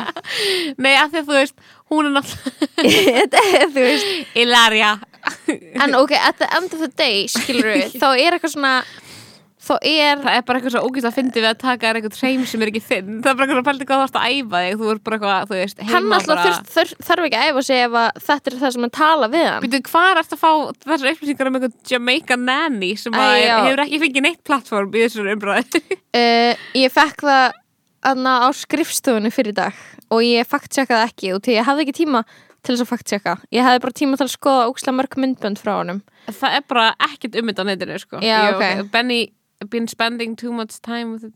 já, þetta er eitthvað svona er þetta þetta er eitthvað óstaðfest? mjög þetta er eitthvað svona mjög hérna, iffy En kemur það kannski koma þetta bara eitthvað tímann í story eða eða veistu hvað við þú Já, já veist. um, Ok, það er kannski bara skrötsum það, bara segjum að það sé bara ekki þannig, skilur við um, Það er bara einhver sem har plæjað á Twitter eitthvað I've been spending too much time with Jamaica nan nan nanny. Það er ekkert, hann, hann átti ekkert Jamaica nanny. Já, ok. Að Þá erum við svolítið komin í eitthvað hot með Já, þetta, æ, sko, út af því að þú veist ég þú veist, á ekkert eitthvað að vera ákveð þetta, skilur við Nei, en er klálega bara hann að vera stupid sko. Já, eitthvað svona, æ, þú veist, veist eitthvað svona ákveða hvort að eitthvað svona megi eða megi ekki, veist hvað við? Já. en mér veist líka bara eitthvað svona mér veist það ógeðslega svona skemmtilegt dæmi upp á bara eitthvað að uh, það er ekki hægt að flokka allt appropriation eins. Já, já, og það er ekki, eða þú veist það Nei, einhvern það er veginn er ekki einhvern veginn alltaf sömu hlutinir í gangi og bara eitthvað, æ, veistu hvað ég að vera? Stundum er líka fólk bara að vera ógeðslega stúpid og stundum er ógeðslega gott að geta að vera að hlæja því. Eða skilur hvað menna Já, nokkulega, the clown element. The clown element eins og mér vist hérna, vá, þetta er mjög mikið segvei sko yfir í náttúrulega umræði umræðana. Já, Bassi ég Maras. veit að ástæðana fyrir að við köllum saman í þetta pot kallum saman kveikjum á mækunum. kveiktu, kveiktum á uh, eldmerkjunum á milli húsum okkar. Ándjóks hérna er þú veist að þegar fólk er eitthvað svona uh, að eðilegja grínið með því að taka of alvarlega að gera grína einhverjum, skilur hvað ég meina? Bara svona, já, já, þú já, veist, já. stundum erum við og þú veist, auðvitað, stundum erum við að vera eitthvað heyrðu, þetta er ekki fyndið, we, we know that skilur við, við vitum að við erum eitthvað svona þú veist, við að þessi brandar er að kostna einhvers. En stundum er bara svona gett gott sem ég er bara hugsa, bara ég held að fólk sé aðalega, þú veist, þegar að Chet Hanks er búin að vera að gera einhver shenanigans, já það er skrifað einhverja greinar um að hann sé að kosa einhver outrage, en það sem ég hef séð bæði núna þessu Jamaican accent og og þessu White Boy Summer er að fólk er aðalega bara eitthvað að hlæja að honum, skilur Já. og hlæja að hversu stúpid svona, svona silly hugmynd það er og eitthvað. Mhm. og þú veist, það er ekkert eitthvað svona hérna, þú veist, það þarf ekki alltaf að vera á einhver svona leveli þar sem einhver þarf eitthvað svona að byggjast formlega afsökunar á því að hafa verið að djóka sérstaklega, þú veist, að það fer náttúrulega algjörlega eftir aðstæðum, skilur þetta er Aha. náttúrulega bara ógæslega mikið generalization. Ég er bara svona, er að hugsa eitthvað svona ég held að það sé bara besta vopnið í þessu- chat hangstóti er að fólk sé eitthvað að gaur hvað, what are you talking about, skilur já. bara hvað er að tala um, eitthvað svona þetta er svo mikið rugg en við höfum líka svo ókslega mikla þörf fyrir kjánalæti og Mhm. þú veist, flip og bull og bara eitthvað sem tekur ekki lífinu of alvarlega, skilur við Mhm, og það er, þú veist f- breath of, of fresh air Mhm. og þá þarna getum við að tala um manneskjuna sem við tölum líka mjög mikið um í podcastinum daginn eða þar seinast þar sem við vorum að tala um Bassam Ras Mhm. og við tókum um þessa umræðu um hann og þetta child dæmi og Mhm. eitthvað en uh, hann var að hann kveikti í internetinu Hann um kveikti helgina. interneti, málið er Oh að ég God. vil bara segja að föstudagskvöldi mitt var æðislegt út af Bassamaras og patta í vikunni Já, patta í vikunni, ég átti bara æðislegt föstudagskvöld af því ég var bara heima og málið er að já, það var æði, ég var að horfa að patta í vikunni. Ég var ekki, ok, þetta er æði, þetta er úrslega skemmtilegt. Það er æði, æði boys summer. Æði boys summer, hommarnir að taka yfir Ísland eins og Binni glísaði Hámandir er að taka yfir Ísland. Hommarnir er að taka yfir Ísland. Og það er fakt. Og við bara hljóttum að fagna því. Og Mhm. síðan sé ég tvítið þar sem hann er að svara Hannes Holsteiri ok, og byrju, ég dey sko, úr það, hlátri. það sem að sko ég læt lífið. það sem Bassi gerir fyrst er að hann svara Bjarnar Ben. Mm uh, við skulum hafa aðra fréttaskýningu enn og ný, internet fréttaskýningu en er einhver, þú veist, ef þú veist ekki nákvæmlega hvað gerðist, Það þá býrðu undir steini en sko. það máli er samt salka er að the tweets have been deleted. Þannig að þú veist ekki og þú langar að tjekka Mm. þá getur ekki fara að tjekka. Þannig að þess vegna vil ég lesa screenshotin er, það- er þið sama? Já, Um, hvaða mér er bara sorglegt að þeim hafi verið eitt út því að mér finnst þetta bara hefða Já, átt að með að standa það, bara eftir nei, það sko. er bara því að Twitter texta fokking eðilega allt sem er skemmtilegt. Og gott í lífinu, já. Auðvitað, auðvitað var þessu eitt út af því að, að þarna þeir eruðu bara bara, það voru bara árásir skilur við, það voru bara ógeðslega grófar árásir og ásakanir. Sorry, Mhm. that is what happened sko. Já, ok uh, já, núna, núna veit ég hvað þetta er. Hérna. Það er eitthvað, eitthvað, eitthvað ruggli gangi úti. Um, já, sko Bassi Maras tvítar, ég er svo hugmyndaríkur ég ætti að gera hugmyndi fyrir sjálfstæðisflokkin mm -hmm. uh, þá Gott svarar. Bjarni Ben. Við erum alltaf opinn fyrir hugmyndum. Og þá svarar Bassi. Ég fann þetta tvíta ekki hvað er í gangi úti Salka? hvað er, þú veist, hvað er ángríns í gangi, sko, við erum það er trublun í gangi á podcastinu, sko. Já, það er eitthvað svona það þarf mögulega Eitthvað- bara að fara á eitthvað brjála í gangi. Að break up the rugl sem er í gangi þetta fyrir þann ok, 2442 likes. Mhm. 11.23 mars 25 2021 11.23 bara um dag, já, það er rétt. Bjarni Ben svarar við erum alltaf opinn fyrir hugmyndum. Ég held að pönnið hans bassa hafi verið ég svo hugmynda ríkur að ég ætti að gera hugmyndi fyrir sjálfstæðsflokkin mm -hmm. held að það sé jókið. Mm um, Bassi segir hér er hugmynd, hvað er nýja stjórnarskráin? With your dumb ass face you ain't eating but I swear you got some bum ass taste. Og hvernig verður þetta með reikningi Panam with your scamming ass? Allar að nota peningi sem þú ert að skama í að kaupandi með Birkin. Geggjað. Og þetta var svakalegt. Þetta eru 2400 likes sem þetta fær og fólk er bara í hláturs mm kasti. Já, og uh, Hannes Holsteinn ákveður að svara á spassa ég er svo hugmyndaríkur ég ætti að gera hugmyndir fyrir sjálfstæðsflokkin það svarar Hannes Holsteinn. Og mér finnst þetta í rauninni líka vera eitt episkasta tvít sem ég hef lesið já, já Þú hefur engar hugmyndir, koma aðeins runu af ókvæðis orðum. Hvernig eigum við að skapa verðmæti, tryggja frelsi og fjölbreytni, framfarir, hagvöxt, engin svör, koma aðeins blótsýrði á hrokknamáli. uh. og Bassi svarar Og Bassi svarar um, Hvað er svarið hans? Ég með það. Lestu það? Jésús Hannes, hver hleyfti þér á Twitter og áður þú fer að rífa þig þá ég screenshot á grændirspjallin okkar. Og þarna Þetta var fékk ég var ég- að ofanda. Ég var að óvanda Ég var hérna bara Ég veit ekki, hvað gerði hann? Út af því að hann gerði það sem má ekki. Og hann gerði það aðeins að spyrja um leifi í, í sinni chaotic energy að vera ekki meðvirkur með Hannesi Holmstein mm að gera bara grína á honum. Já, sem er beautiful sko. Það er fullkomið. En og það er, þú veist það er þetta það element sem hann hefur þú veist, þetta Sylvie Nótt element skilur hann er Mhm. karakter, hann er bara bassi. Þú veist, hann er bara hún er með drull, skilur, hann er bara eitthvað mind, þú veist, minding his business skilur, Mhm. og þú veist, ég var eitthvað að tala um þetta við fóreldra mína og þeim fannst þetta svo fyndið. Þeim fannst þetta svo ógeðslega bara svona, bara já út af því að þú veist, þeir, þeim er drullum hann er Solstein, skilur, það skuldar húnum engin neitt. Mm og þetta er grín.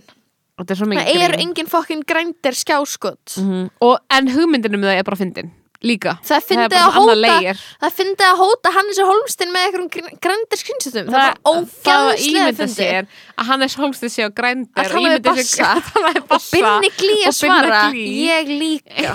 Já, það er óendanlega hilarious. og enn mér leir að fyndina er einhvern tók viðtal við hérna Bassa á mánudeginu með eitthvað að tala við hann eitthvað retrospect af þessu sem var bara ógslag fyndið og hann var eitthvað, ég veit ekki eins og hver Hannes Holmstein er sem er líka ógslag fyndið Já. að ímynda sér bara eitthvað, ok, hva, hvað af þessu sem er þú veist, hvort sem að hann veit hver hann er eða ekki þá er að finna ímyndið sér hann hafa bara verið mjög on the nose með því að að reyna að rósta eitthvað gaur fyrir Já, að svona, kannski spyr hann eitthvað sem veit hver hann er og hann fær kannski smá inside info en það er hann sem skrifur þessu tweet það er hann sem Já. að we- weaponizar það litla sem hann veit í eitthvað svona kraftar eitthvað fullkomi grín sem er svona grín, mál sko. er bara að Twitter sprakk út Mhm. af því að þetta er bara þú getur ekki leikið þetta eftir þú getur ekki þetta level af mér drull þú veist, í fyrsta lagi Það er enginn með þetta authentically, bara líka við Nei, þú, veist, þú, þú, það líka bara eitthvað hver er að segja þetta mm -hmm.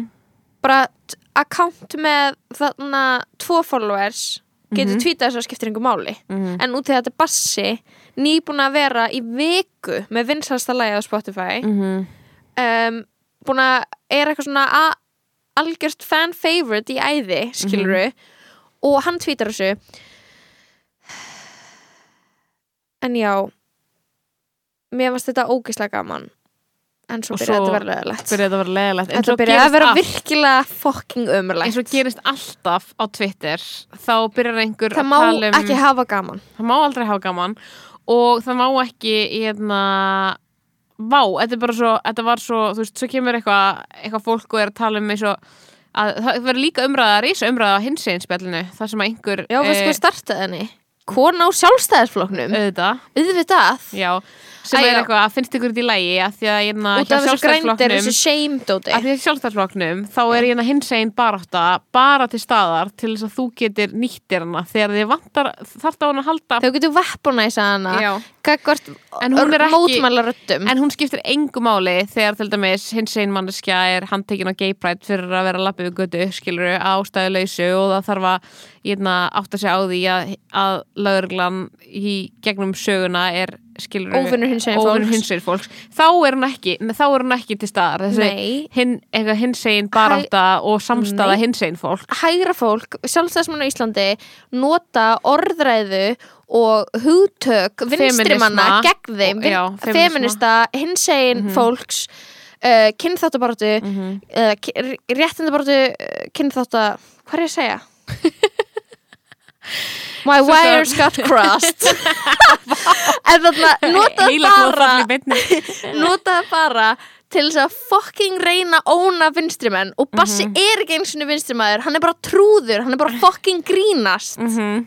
Bassi er bara gaur sem er búin að gefa út rapplag og ætlar að halda fram að gefa út rapplög Mhm. og núna er eitthvað svona vera, oh my god, það er verið að taka hann fyrir eins og hann sé ofbeldismæður það Já. er það sem er búið að gerast og ég er í alvörunni það, veistu hvern ég er reyð út í núna Salka?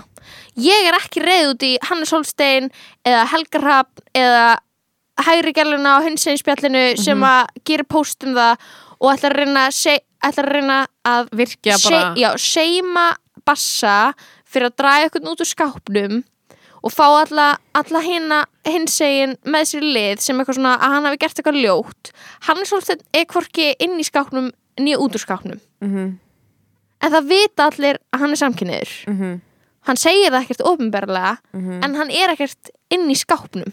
Veistu hvað við? Já, já, já. Og ok, ég er ekki reið út í einhverju svona litla varðhunda Hannesar og sjálfstæðarflokksins sem hann alltaf bara voru, þau voru ónuð Mhm, á Twitter. Mhm. bara sér ónaði þau í þessu Panama scamming dóti og hann ónaði hann Solstein þegar hann sagði hvað er Jésús, hvað er þú að tjá þig? Já, skilur ég er reyð út í allt fólkið sem að fucking fjall fyrir þessu og er ekki með votta gaggrinni hugsun hvaðan svona, gagg- svona komment koma. Mhm. og því að þegar að Helgi Hrafn sakar bassa um um stafrænt stafrænt kynfyrirsofbildi og segir þetta mjög alvarlegt og segist vera einn í þessum slag. Mhm. og þú lækar það og því að þú er svo meðvirkur eða meðvirk.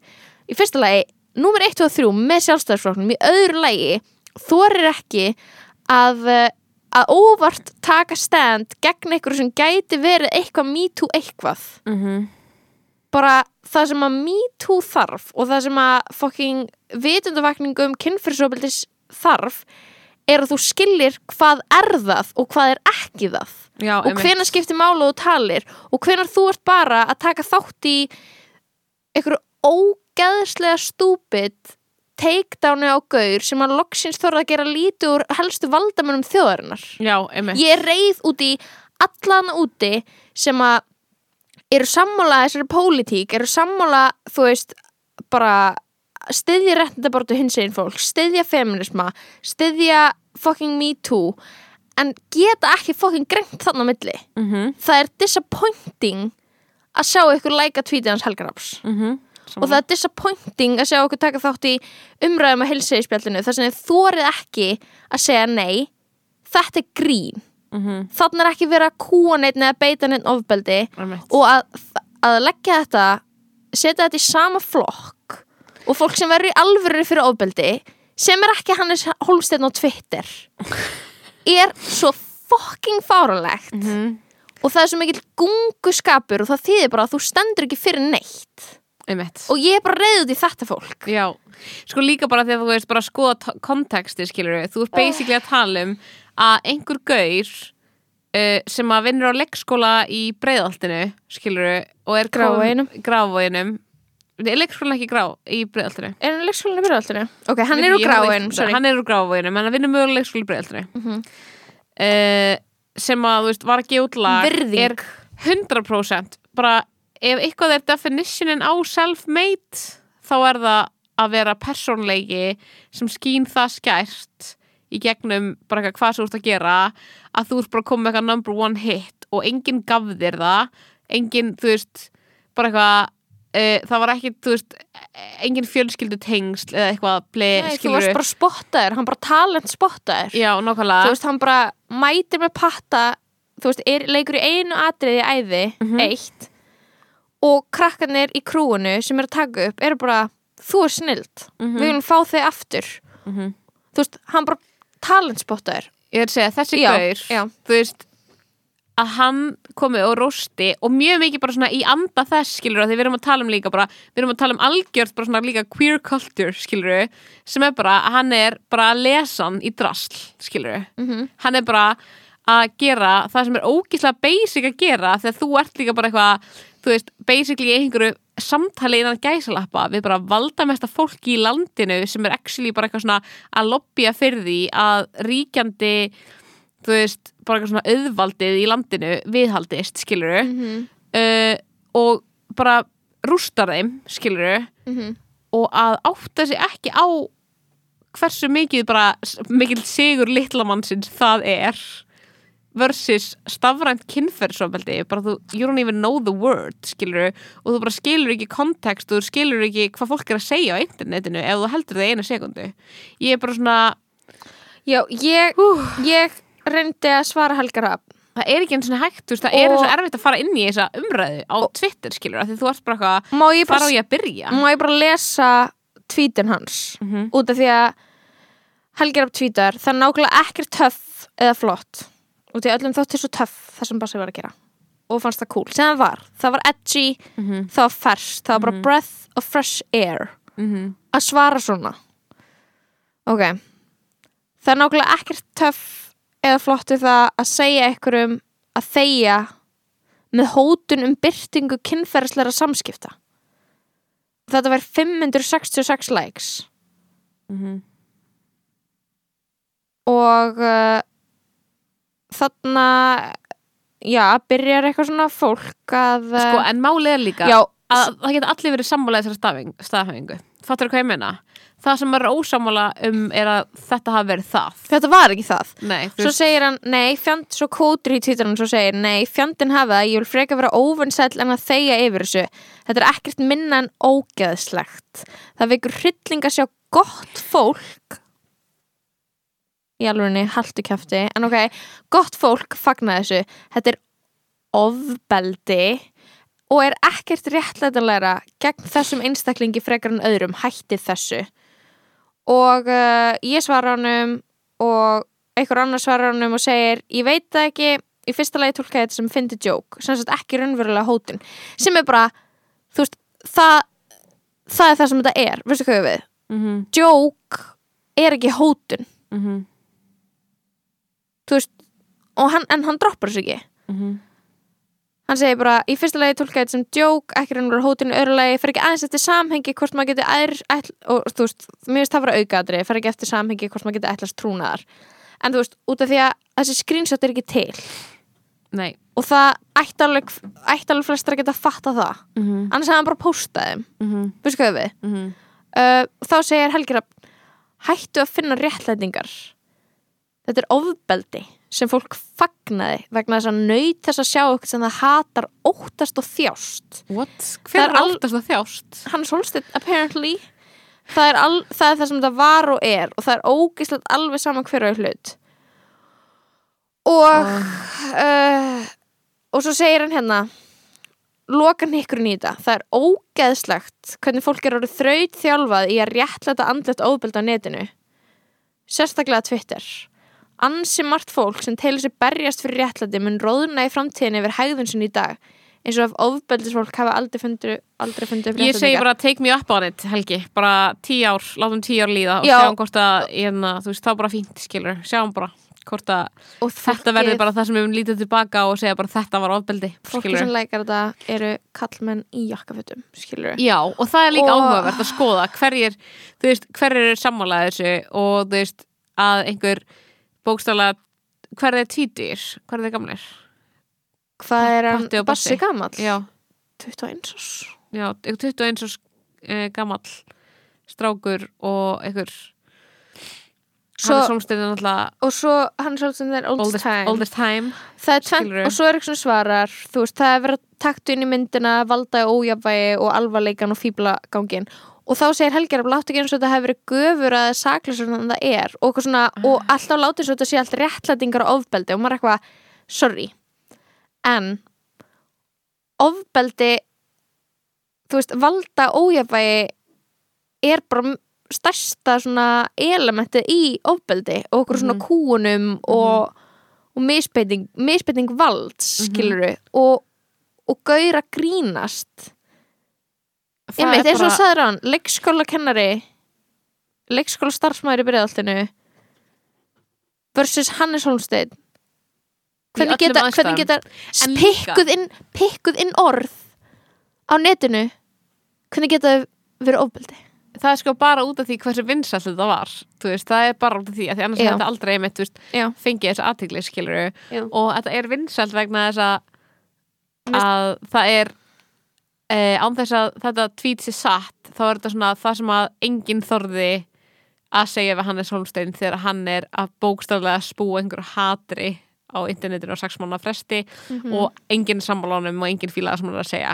Þetta er bara svona, þetta er svona uppsafnað uppsafnuð svona besta- gleði yfir því að bara svona besta ónið, mesta svona shut the fuck up. Að því að, að því að líka að mér veist alveg geðvett hérna mér finnst bara mjög valið mjög, mjög valið punktur þegar einhver er að tala um bara svona að þarna er einhver gaur sem er orðinn vinsæll í samfélaginu og sjálfstæðisflokkurinn ætlar að eigna, ekki eigna sér hann það clout ætlar að- chasea. já, Fer að clout ætlar clout chasea. og það er svona, það er það sem er sko æðislegt við þetta. Já, það er bara nei takk. Já, að þarna er eitthvað Bjarni Ben allar hugmyndi vel þegnar sem hann hefði getið gert er að segja, ok, hann er einhver sem er að fara að ráða með ársáttíðir næstu tíu árin, skilru og ég get chaseað eins og, þú veist, ógísla mikið af tónlistamönnum í sama geira og bara sem var að skera, skilru sem er bara eitthvað að láta borga sér halva miljón og koma með eitthvað eitt, eitt sang á eitthvað gig, skilru, whatever. Getur gert það, all, ógísla mikið fólki gert það undan honum, skilru, en í staðinn ákveður hann að svara honum og segja einmitt, nei takk, þú sökkar.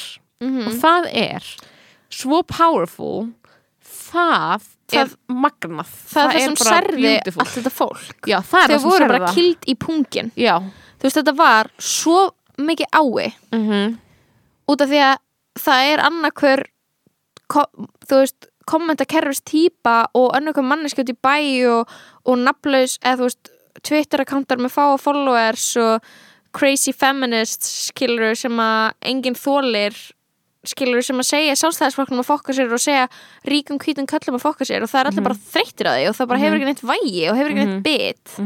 En einmitt þegar skilur hot shit gaurin segir no thank you. Þá hefur það og þú veist að hann sér þetta. og þú veist að hann sér þetta og þú veist að hann, var að reyna að engagea skilur, Bjarni Ben skilur, og það, sem hann er sólfinn og líka bara, en, þú veist, það, það sem ég hugsaði að ég út þegar án var eitthvað að segja um, ég var að tala um, ég var að tala um þetta fóreldra minn og ég var bara eitthvað, þú veist Bassi er bara Bassi, skilur við hann er bara ungur og maður hefur alltaf meira af þessu í sér þegar maður er ungur. En það er líka bara eitthvað, af hverju þetta hann að vera hrættu við þá? Þeir gerða ekkert fyrir hann in the first place. -hmm. það sem að ógisla mikið af þessum vestlagaurum þú veist, jakkafættagaurum svona læka sér tweet er að þú veist, þeir eru að vonast til þess að enda eitthvað sem aðstofum að bjarna ben or something, skilur, eða eitthvað. Það er bara eitthvað svona þeir eru Ég- bara einhverju basic hvítir þeir eru að spila sinn leik og, og mm lögumann þar eigi ekkert við um bassa og því að hvað hvað alltaf þeir sem að gera fyrir hann? Skilur mig, einmitt. Og það er nefnilega bara svo geggja alltaf mikið bara cloud chase hann búið skilur Mhm. þeir alltaf að teika á eitthvað hans vinsaldar wave með því að vera eitthvað við fílum þig, hvaða hugmyndir hefur við erum alltaf opinn fyrir þeim, blablabla Ah, Nei, þetta er svo satisfying, bara hvers sinn sem að ég bara hugsa um þetta þá líður mér bara vel inn í mér ángríns, mér líður öfugt við það sem Helga Hrafnir líður þegar hann horfur á þetta. Ég er, ég er disappointed að þarna að bara það að saka einhvern um ofbeldi hafi verið nóg fyrir fólk til þess að læka. það. Út af því að það sem að gerðist var bara að það var að eiga sér stað svona classic gaslighting. Það var bara svona eins og að vera eitthvað hóp átak að eiga sér stað á internetinu þar sem eitthvað fullt af fólki hægri menn að miklu leitinu til og píratin Helgi Hrafn sem að ég veit ekki ég veit ekki hvað er að honum ég, ég brjálu út í hann.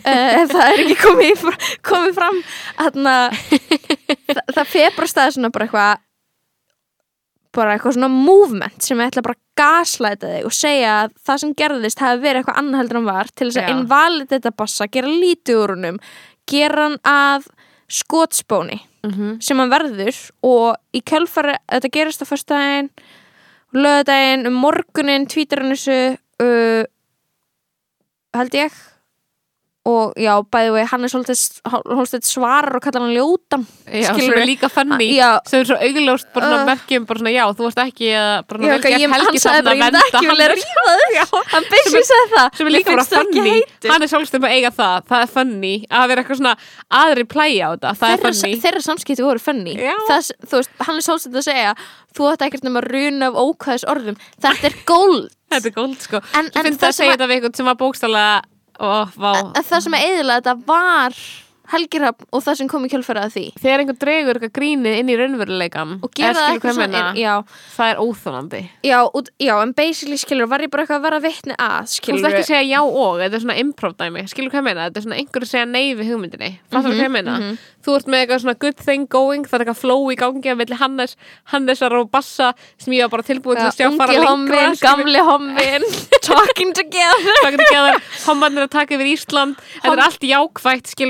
Kemur Helgi Hrafn, segir nei. Bara svona að því hann fílar Já. ekki hugmyndina Hann vil koma með einhver aðra sjálfur. Umlegt þegar þetta gerist. Heyrit um, en já, ég basically sá út um allt netið fólk að draga bara nýða skóin af bassa. Mhm, mhm. og bara sko, og þarna þarna vorum við að sjá þarna náðu við að toga fram homofóbíuna fordumana og bara árasagirndina í fólki. Og því að svo þegar það var einmitt fólk var að byrja fólk var að byrja að leifa sér að tala um þetta þá leiði fólk sér að kalla hann heimskan Mhm. og bara hitt og þetta skilur og þá er ég eitthvað, já var, er þetta ekki bara nákvæmlega veist, þetta er viðspyrnan, eða skilur þetta er bara bakklasi sem þú færð alltaf þegar þú stendur uppi og s- stendur upp og bara kem, þú veist, fer litlu maðurinn fyrir stórumannin, skilur og ætlar eitthvað að þú veist, rugga bátnum, þá ferðu bara holskefluna yfir þig Einmitt. og mér finnst þetta ógislegt Mhm. og um, mér finnst bara svona ógislega leðilegt að þetta hefði til dæmis gæst á hins eginn spjallinu Akkur gáttu ekki bara staðið með bassa í þessu Mhm.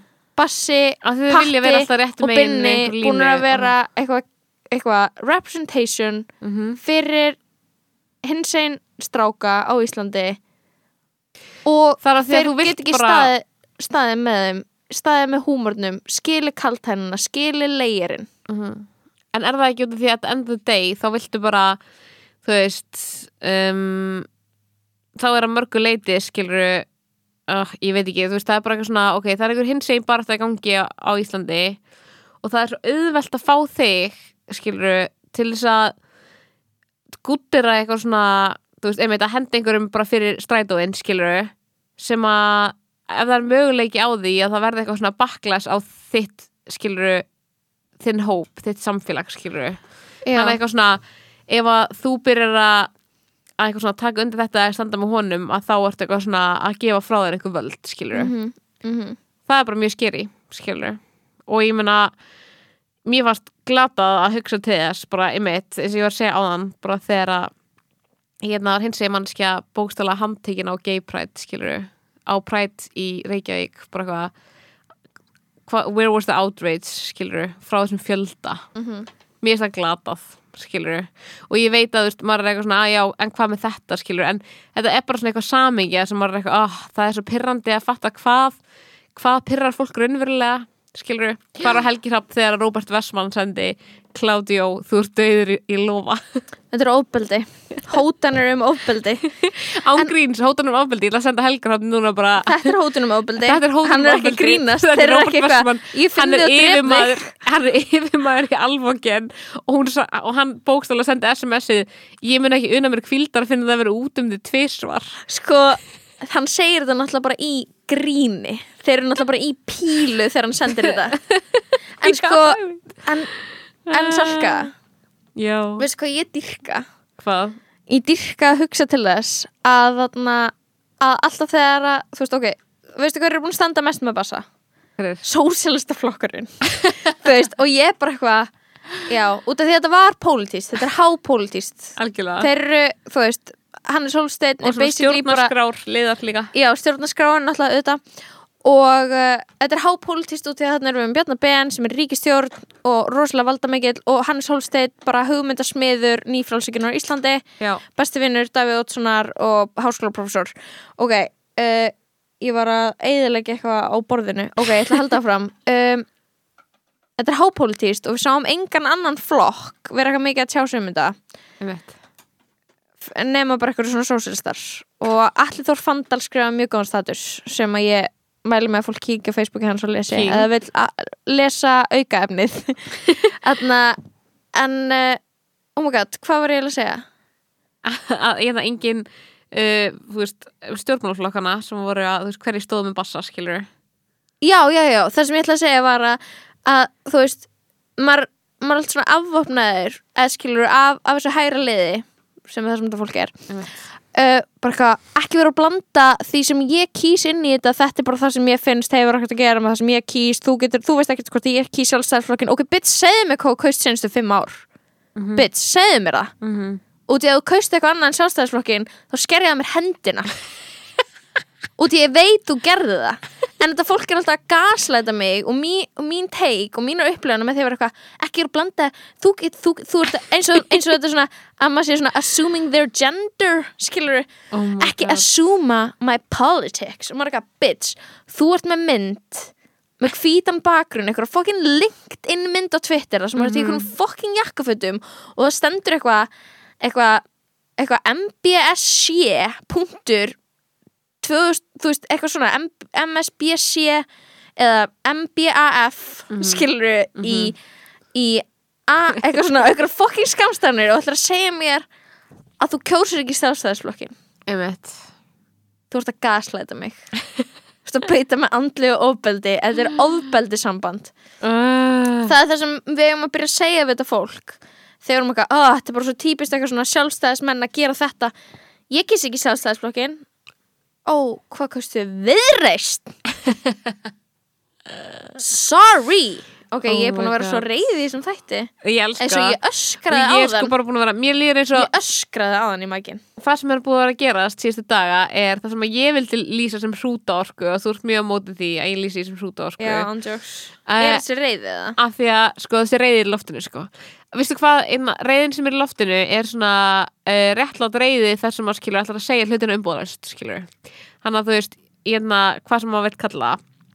og ég er bara búin að vera í, í múti til þess að senda þú veist, hverjum sem er einhver kvót í Robert Westman SMS-in til Claudio. Einna, sem að Robert segist til að drepa, ég ætla að sína að mynda Claudio. Bara þessi gaur í jakkafötum okkur myndir þú að drepa hann? Ég vil ekki drepa fyrir hann, utan sko. allar augljósa ástæðunar ég er bara svo mikið að ímynda mér þetta er bara svona í exit dæmi. Er eitthvað Robert Westman að senda á einhvern ítalskan mann sem heitir Claudio þar sem hann er bara að kalla hann gullraskat og fíbl og viðbjörslegan skíthaug og segist til að rústa honum að fjölskyldu henni hann er unhinged, hvað er Helgi Hrafn? ekki þannig til staðar til nowhere, að nowhere to, be seen. Og to be síðan er bara eitthvað lögfræðingar hann að mæta bara í, í nei, ég veit ekki hvort hún var lögfræðingur alveg genn kannski og bara vera eitthvað svona, já, Svo- það er ekkert aðtugvart við stjórna þetta þess að manns, Nei, hann já. sagði bara að einhver maður verið það. gull raskat og hann ætlaði að rúst honum og hann myndi alltaf gera út um hann tvisvar. Það þetta er epíst þetta er, er ofbeldið samfélag kapitalista, skilur, nú erum við bara full on radicals í þessum Já, í lokastíði það sem við, tölum um löggur síðast og núna erum við bara að tala um ofbeldi að há- hálfu auðstættarnar eða skilur þú veist, má ég bara segja eitt, Salka Mhm. sem er bara hvenar ætlum þið að fucking fatta að við erum aldrei reið út í alvöru óbeldsmenna Mhm. heldur alltaf bara einhverja típur sem við tökum fyrir og ákveðum að við ætlum að rústa. Mm -hmm. við getum aldrei brjálast það mikið út í alvöru óbeldsmennina eins og við gerum þegar við veljum eitthvað svona litla dullur eins og patta, nei Já. og bassa. Það er bara því við veitum við getum það og við heldum við ráðum ekki við hitt skilur nei, það er það. það er bara út í að við elskum að líða illa. Já, eða það er bara skilur en það er líka í að hvernig þetta er allt einhvern veginn sett upp. Oh, ég ætla ekki að vera eitthvað svona illuminati gerla. En þetta er bara svo mikið svona Selka, ég veit úr þú sammála búið mér. að gera illuminandi merki og enn en það er akkurat Já, ég er að gera illum- illuminati verki en það er bara eitthvað svona kerf, eh, samfélagi okkar virka bara þannig að við getum ekki undermænað the big bosses út af því að svona hluti gerast síðan. og líka kjölfarið. bara að því að við erum með einhvern innbyðan þrælsóta þar sem við erum bara alltaf að þóknast eitthvað, þú veist, þrælahaldaranum skilur ok, too, too much Já, Ég kom nú langt, ok. Já, allt Ok, og ok, ok, allt og ok. mikið. En þetta er samt bara svona einhver svona einhver, það, sorry, það er bara svo mikil einhver þrælslunda að vera eitthvað, ekki vera vond við Hannes Hólmstein og Bjarnar Bara Ben eitthvað var enginn vondu við hann það var verið að grínast. Já, bara og líka bara veistu hvað, veistu hvað ég hata? Og mér veist þessu bara þú veist, hérna, hérna er hérna er eitt sem er ofbeldi. Manneskja sem að kannski teilur ykkur um minnilegt hóp grínast. Mhm. Heyrðu, ekki einu sinni manneskja sem teilur minnilegt hóp bara hvítu karlmaður segir eitthvað sem er smá edgy og er að grínast. Og uh, það er tekið úr sambandi og það er gert að eitthvað sem það er ekki samhengi og tekið úr samhengi og nota gegn manneskinni og hún deplatformið og uh, mála upp sem eitthvað annað heldur en hún er og eitthvað skrimsli skilur út af því að í grunninn eru við all homofóbísk, rasísk uh, kvennhatrar og uh, þarna þessar rattir með ekki heyrast skilur ok, ég skildi ekki alveg dæmi sem þú komst með, það var of confusing fyrir mig. Það var of hypothetical. Já, ég er bara eitthvað að segja þú veist, að stærsta gaslightingið sem á sér stað er bara að leifa ekki fólki að grínast. Mm -hmm. að leifa ekki, þú veist, einhverjum sem þú ert fundamentally ósamla að hafa húmor og grínast út því að þannig manneskjur eru alltaf jaðasettar mm. í gríni vegna er Björn Bræi ógislega vinsæl salka þess vegna er hann grínisti hann er bókstaflega í jakkafutum skilur Mhm. það er pointið mitt, Já, skilur, já, við getum já. ekki fengið þú veist, við höndlum ekki að fá okkur mannesku sem í alvörunni has been through it, skilur Mhm. sem í alvörunni getur sagt eitthvað ó maður uh, en ég ætla ekki að koma með brandara sem ég myndi, já, sett manneska en bara eitthvað sem í alvörunni getur verið eitthvað svona svo edgy, skilur já, já, og með eitthvað svona alveg grillar uppleganir og til að við erum bara eitthvað við viljum ekki heyra þetta. Mm við ætlum að hlusta á Björn Bra að spila á kassagítar. Já, þú veist, og það er vandamáli sko. já og við erum tilbúin að henda rosalega miklu fyrir róðan. Bara svona eins og Björn Bræi við erum tilbúin að vera bara, já, Björn Bræi reyndar sagði bara mjög rasískan brandara í uppstandandi sínu. Uh, en við Já, erum tilbúin til þess að bara svona kasta mjög mörgu þetta, bara, þetta er bara spurning um hver, hvern má cancela og hvern ekki skilur Mhm. og það var bara gerð mjög heðaleg til til að cancela bassa. Og ég skammast mér fyrir ykkur sem stóðu ekki með honum. Sammála. Og bara fröken fix sem ert alltaf að tjáðu á netinu hvar var tvítið þitt um þetta bassamál hm? ég er að byggja þig um að tvíta þig. Út af því að ef þú stendur ekki með honum hverju fokkan hún gera það þá? Fröken fix sem að tvítar um sína hverju einustu hreyfingu skilur og er social justice warrior. Sorry, þær voru ekki að standa með bassa.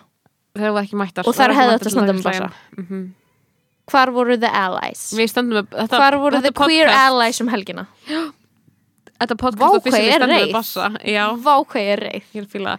Er var svona svo djam í vonsvikin. gangi úti ertu að- finna fyrir já, það er út í að held ég frítagur á morgun. Því já, frítagur á morgun fólk er eitthvað að djamma en ég var eitthvað, er það ekki off út af eitthvað, ég veit ekki. Út af einhverjum faraldri og það er heimsfaraldri en þú veist, Það er ekki off inn í þessu hljóðveri. En sko líka, en annað, ok, það sem er búið að gerast í vikunni Við vorum að tala um Bassa, við vorum að tala um White Boy Summer Við vorum að tala um uh, Robert Westman SMS-in að koma Og í Lil Nas. X er. Og Lil Nas X. Já. Þetta er allt bara svona einhver crazy orka í gang, gangi, skilur Ég hef líka aldrei verið að breið á þessari viku. Já, ég fíla það En- sko. en Þannig af- Þú ert bara, þú ert bara sann það sem að ég var að segja. En af hverju ég þóli ekki annað stjórnumerkjadótið út af því að um, af öllu skemmtilegu af öllu sem er raunverulegt Mhm. sem getur útskýrt af hverju eitthvað er í gangi að ákveða að segja að það sé út af því að eitthvað stjarnar er eitthvað staðar í himninum En býtu, af hverju er staða, staða heimintunglan ekki raunveruleg? Hún hefur mjög raunveruleg áhrif okkur What do you mean? Tungli hefur áhrif okkur Já, en þú veist, það hefur ekkert áhrif á eitthvað tónlistamindband eða hvað eitthvað tvítar, skilur við uh, Ekki beint, skilur við En það er alltaf orka í loftinu Skilur við Já, en bara eitthvað svona, það er svo alls konar hluti sem að gerast í samfélaginu sem að hafa meiri áhrif á mann heldur en þetta. Me meiri já, en síðan er meiri, eða þú veist, ég ætla jafnvel að ganga svo langt að segja að þetta hafi engin áhrif. mm, Ég held að, þú veist, Við máli er erum að svo langt í burtu frá þessum stjórnum, Salka. Nærðu heldur Þetta er svo... En skilur hvað ég meina ég bara með þú að það bara þetta að tala um, það er að tala um, skilur um, við erum í fjóruðubilgju, það er að tala um vorið í loftinu, það er að tala um eldgósið, þú veist, það er bara svona þetta fabulegra endalast um það, það er svona fyrst mér gett svona eitthvað, og það er búið að sanna fyrir löngu að þessi stjörnumerki meiki ekki lengur sens. Já, það er alltaf satt sko. Hrútsmerkið er bara eitthvað, þú veist, er núna bara vasperi og vasperin er núna bara strútur, skilur, og það er bara nothing makes sense En máli í er að, að þú veist pælingum, sko. að það sem ég er að segja er bara að það er orka í loftinu sem að má, þú veist, að hengja á alls svona hluti, en mér er stil skemmtilegt að hengja á að sé eitthvað svona að einhver staðarna úti sé eitthvað breyting skiluru í gangi í heiminkólunum sem að hefur ve- verkum skiluru á einhvern veginn að En hún hefur skilur Hvað sér þau? En skilur eðlisfræðan á bakvið það? Hvað þau? Ski, eða þú bara eitthvað getur þú látið að ganga upp í haustum aður af hverju einhver tungl einhver staðar hafa áhrif á eitthvað í skapi þínu Það er náttúrulega í rauninni bara, þú veist, ég þarf ekki að skilja eðlisvæðan á baku það ef það er bara, hvernig, þú veist, þannig virkar heimurinn að það er einhver lítill hluti sem gerist það er butterfly effekt í rauninni Fattar hvað ég meina? Bara svona einhver lítill hlutur gerist, bara eins og þegar við tölum um eitthvað að það er allt crazy að það er fullt tungl Fattar þau? Já, svona, það er bara það er, en, veist, en er, er það ekki bara við erum eitthvað hluti svona náttúrunni við er erum hluti af náttúrunni og við erum hluti af heiminum Mhm. við erum eitthvað efni, skilur sem tengist Mhm. einhverju öðru efni og ég heldur sem alltaf verðan að fjarlæga okkur því að það hafi einhver áhrif á okkur, skilur Mhm. ég held að tungli hafi klálega áhrif á okkur því að það eru áhrif á flóð fjöru, skilur okkur myndi ekki hafa áhrif á hvernig hérna, við erum um öll hérna, þingdarafli hefur áhrif á okkur, skilur En sko ég bara er að hugsa skilur ég er ekki að tala um eitthvað beint eitthvað, þú veist, í vondu skapi að þetta gerist, þá er hvað ég meina ég er bara að meina svona, það sé einn af ég er rauninni ekki eitthvað svona argjóa fyrir því að þú veist, eitthvað það sé eitthvað stjórnumerki í gangi og þá eigi þér að líða svona, svona exi seta, skilur ég er meira bara að meina eitthvað svona að maður finnur fyrir því á tímabilum. Við erum eitthvað svona öll tengd á eitthvað hátt og við erum eitthvað svona tengd efninu sem er í kringum okkur. Og stundum finnur maður fyrir því ef maður einhvern veginn að fylgjast með og tjúna þér inn á það að sé einhverja bylgjur í loftinu, skilur sem eru að hafa áhrif á alla á eitthvað skriðin hátt, skilur En mér finnst þetta bara, þú, maður getur alltaf tínt til dæmi sem að prófa að það sé vaspera orka og prófa að það sé sportreika orka. Er það ekki bara hlæg? Skilur, þú getur líka verið eitthvað, æ, það bara voru í lofti. Það er alveg jafn valið, skilur Mm Já, ég er bara, það er meira það sem ég er að meina, sko. Ég er bara uh, eitthvað svo bara að fá svo ógeðslega mikið af einhverju stjórnumerki kontenti sem eru bara svona irjarik. það er það sko á TikTok sko. Ég get mjög vel skilið að, að ég vera náttúrulega leiður að því að, að, því að stjörnusbyggi er eitthvað svona, ekki það er bara eitthvað svona stjörnumerki skilur er orðið eitthvað svona pop content skilur Já, bara eitthvað er svona, bara ó, ég fór, ég- fór að date með Gaur en hann var þetta merki og, hann, og ég bara, please bara taktu mig af lífi núna, skilur ég bara, I don't want to live in this world Já, ég veit það, en máli er að þú veist ég er meira bara eitthvað svona, ég er engin sko stjörnumerkja gælla, en hins vegar hef ég reykt mér að því að geta giska á stjörnumerki frekar accurately hjá fólki. Og það hefur rauninni ekkert með að gera. Máli er, ok, það sem ég er að segja, sorry, ég er komin of dýp er að ef að þú uh, ólst upp við að vita að þú setur eitthvað stjórnmerki Mhm.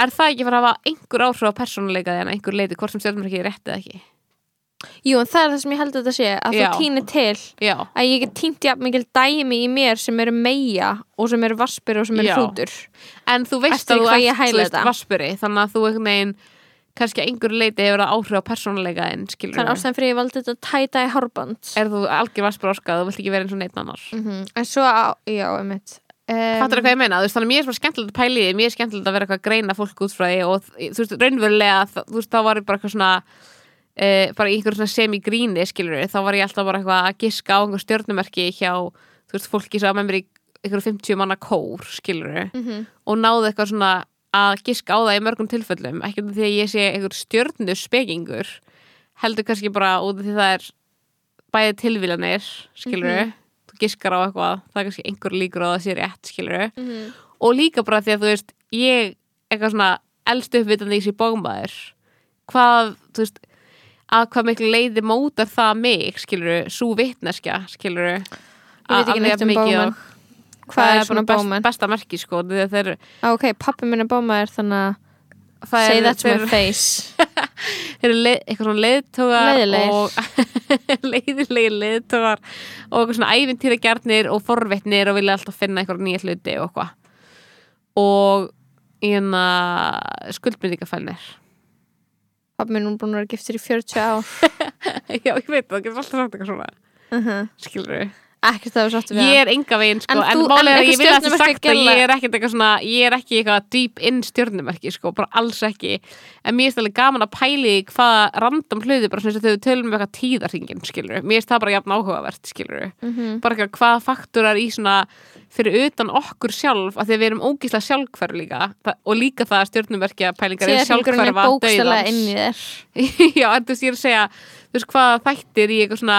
er í ég umhverfinu og þú veist, hvernig tengistu heiminum þú veist, hvað, að hvaða leiti hafa þessi hlutir bein áhrif á þig, skilur Einmitt.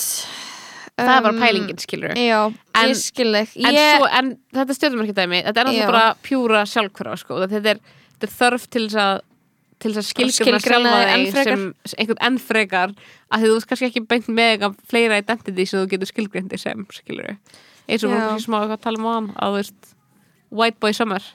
Ég er, ég er búin að Ég er she they núna.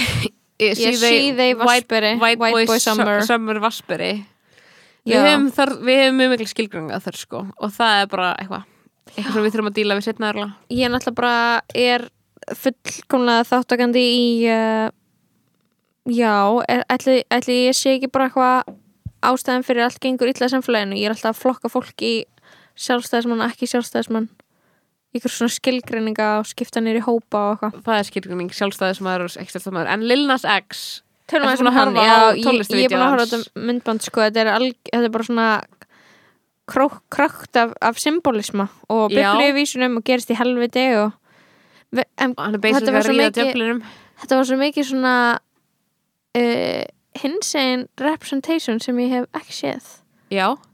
Svartumæður mm að tvorka og káfa á gaur og fara sleikvan Mhm. ég bara, og, I have not seen this. Og einmitt og þá voru mjög mikið fólki. mjög varst að vera svona ákveðin sko hliðstæða við það sem var að gerast með Bassa Maras sem var eitthvað svona já, vá, hann er að taka sér eitthvað svona plás sem einhver e, samkynur svartu kallmaður og Mm. það var bara, fólk ætlaði ekki að láta það slæta sko. Það brjálust allir. Brjáluðist allir og bara eitthvað hann sé bara eitthvað þú veist, að láta börn dýrka djöfulina því allt í einu á hann að vera einhver Tjöp, barnast, satanískur. Nei, hann á líka allt í einu að vera einhver barnastjarna og eitthvað tal til barna sem hann hefur aldrei gefið sér út fyrir að vera skilur þó að fullt af börnum hafa eitthvað elska Old Town Road skiptir náttúrulega engum máli, þú veist, börn elska Pál Óskar en þú veist, elska líka bara minn hinsti dans eða eitthvað skilur Mhm. bara með ekkert sens að þú veist svona stjörnur sem að verða þú veist um, bara eitthvað eins og þú veist, eitthvað hatar úr það vinsætlega börnum skilur það hefur ekkert relevans fyrir eitthvað hvað þeir eiga að gera hvað þeir ákveða að gera næst Já. og BDSM vísundar. Skiptir engum oh máli my god, mér langar bara að segja við, þú veist bara, það verður svo fyndið að sína bandrækjumannum sem að eru brjálaðir Já, republikanir republikanir sem eru brjálar og til Lilna Sex að bara svona sína þeim að íslenski fóreldrar hafi klætt börnin svona í BTSM búninga. Ég er bara svona, og mér finnst það aðeins of mikið að þinni góða, mér finnst það svona eitthvað nú er það að vera heims við? Skufi, þú veist ekki fara í Adam og Evu til þess að köpa öskundarspúning fyrir barnið þitt. Já, psycho. Oh my god, en, En- en, veist, en það er náttúrulega bara þetta hefur náttúrulega ekkert með börn að gera en það deg með Lilina Sex. Þetta er svona svo augljóslega skilur einmitt sama dæmi og vera eitthvað að segja einhver sé að beita ofbeldi se- sem að er það ekki skilur þú veist bara eitthvað svona að reyna að finna leið til þess að einmitt cancela eitthvað sem að er að segja eitthvað sem að þú þorður ekki segja mm er mitt take, það er mitt heita take þessa vikuna sko. -hmm. mm með, þetta er búið að vera kaotísk take í gangi það, en það er og mér finnst líka, bara ógeðslega fyndi svona retrospektífli að hugsa um hennan klukktíma þátt og hugsa áðan hef ég reyna, verið að reyna að segja að væri í lægi að eitthvað hvítum maður var að ta tala patois en svo brjálast út þegar einhverjir sv- stóð ekki upp fyrir bassa á netinu og maður eitthvað, ég svo- greinilega ákveð hvað er rétt og rátt. By the minute. Svo það sé líka sagt sko, þá held ég að þessi Chet Hanks, hans persóna sé ekki fara að koma vel út úr því að vera svona uh, að þú veist, að það sé svona farið í sauman á því hver hann er. Að því ég er bara svona, hann er, er óvirkur fíkill. Hann er orðið fíkill og það er eitthvað svona vídeo á honum að ykkur ofbeldisfullum samskiptum við Kærastuna hérna sína, og ég var eitthvað svona að þetta er, þetta er maður sem svona hvers, hvers fortíð hefur ekki gott að dagsljósinu sko. Nei og þú veist ég og Jói vorum að skoða náðan á kaffibrennslinni og þá bara þá fann hann account sem hétt bara Chat Hanks Updates og hann eitthvað, herri ég ætla að followa Chat Hanks Updates. Og ég eitthvað knæs og svo bara, svo bara postaði vídjón og segja bara we're, we're gonna stop tweeting from this account due to the the video footage of Chat Hanks and his girlfriend. Oh my þau bara stóðu, þau bara tóku afstöðu gegn ofbeldi og hætti að tweeta from the chat hanks updates Hversu, account. hversu gamall account var það líka? Það þryggja daga, skilur Já, Hvenær byrjar hann með þessu nei, nei, nei, updates? the Golden Globes Það var í desember 2020 Þannig að við erum að tala um alveg gátt Biggest- fjögra mánaða run Skilur ég meina, það er a lifetime on the internet sko. Já, líka fjóra mánuðir að því að bara þegar Chat Hanks tweetar einhverju eða gerir eitthvað Instagram þá bara svona kopjar það og setur það á accountin Chat Hanks Updates. Mér langar að set, mér langar að nota eitthvað svona mér langar að klappa fyrir þér fyrir að halda upp í vörnum fyrir stjórnumerkjum Takk Líka með engin rauk af vopni Mér finnst það að vera flóta sem ég gerði og klappa fyrir mér fyrir að þóra að standa á mínu en samt ekki þóra að segja allt sem ég var að hugsa. Ú, ég held aftur á mér. Oh ég vildi ekki vera að gaslæta þig. Og þetta var fyrir Helgarhab þetta var fyrir mig og þetta var fyrir Helgarhab herru ég er liðið nummið tvö. Má ég bæta við einu í samvættu Chat Hanks Updates? Já. Er að þeir gerðu eitthvað must read svona þráðu eitthvað It's been brought to my attention that the chat has been accused of disturbing and violent behavior. Ok, eitthvað svona alls konar um það Þetta er alveg þráður skilur uh, En það besta við hennar þráð sem hann gerði er að, er að mannskjald skrifar undir í sérst víti Thanks management. Því þetta er management accountants. Sem gefur í Það er einhvers konar starfsmenn það er svo mikið bara eitthvað bull sko. Things management ah, Ok, liðið nummer tvö. Liðið nummið tvö er, þarna, er shoutout dagsins. Við sko, við erum ekki bara podcast sem fjallar um menningu heldur erum líka alltaf að fjalla um þessar litlu hluti í lífinu. Og þarna eitthvað svona, svona, lit- svona hverstasleikan um, svona litlu momentin veistu, veistu hvað ég er að tala um? Bara svona lífið. Lilla momentin í lífinu þegar þú ert þegar það er hrúta orka í loftinu og lofa vil ekki við hérna. Já, oh my God. eða þú veist bara eitthvað svona það er svona langaði mig að búa til liðin þannig að shoutout dagsins. Út af því að vinu minn var að gera svolítið sem að ég hef ekki heyrt áður. Sem að þarna ég ætla bara að spila. Hlustaði, þetta er bara voice message. Hæ, uh, það er opið í ríkinu. heyrður þetta, byrjun, byrjun á þessu voice message? Nei Hæ, uh, hann sagði hæ í byrjun á voice message þegar vorum búin að vera að chatta í svona tíu myndur Ok, og þá byrjaði hann að taka upp og sagði hæ Mér finnst það smá Eins- eins og hann er að senda bref eins og hann hefur senda bréf eða eins og þetta verið símtal. Hæ, bara eitthvað, þú þarft ekki að segja hæ þegar við erum að tala saman.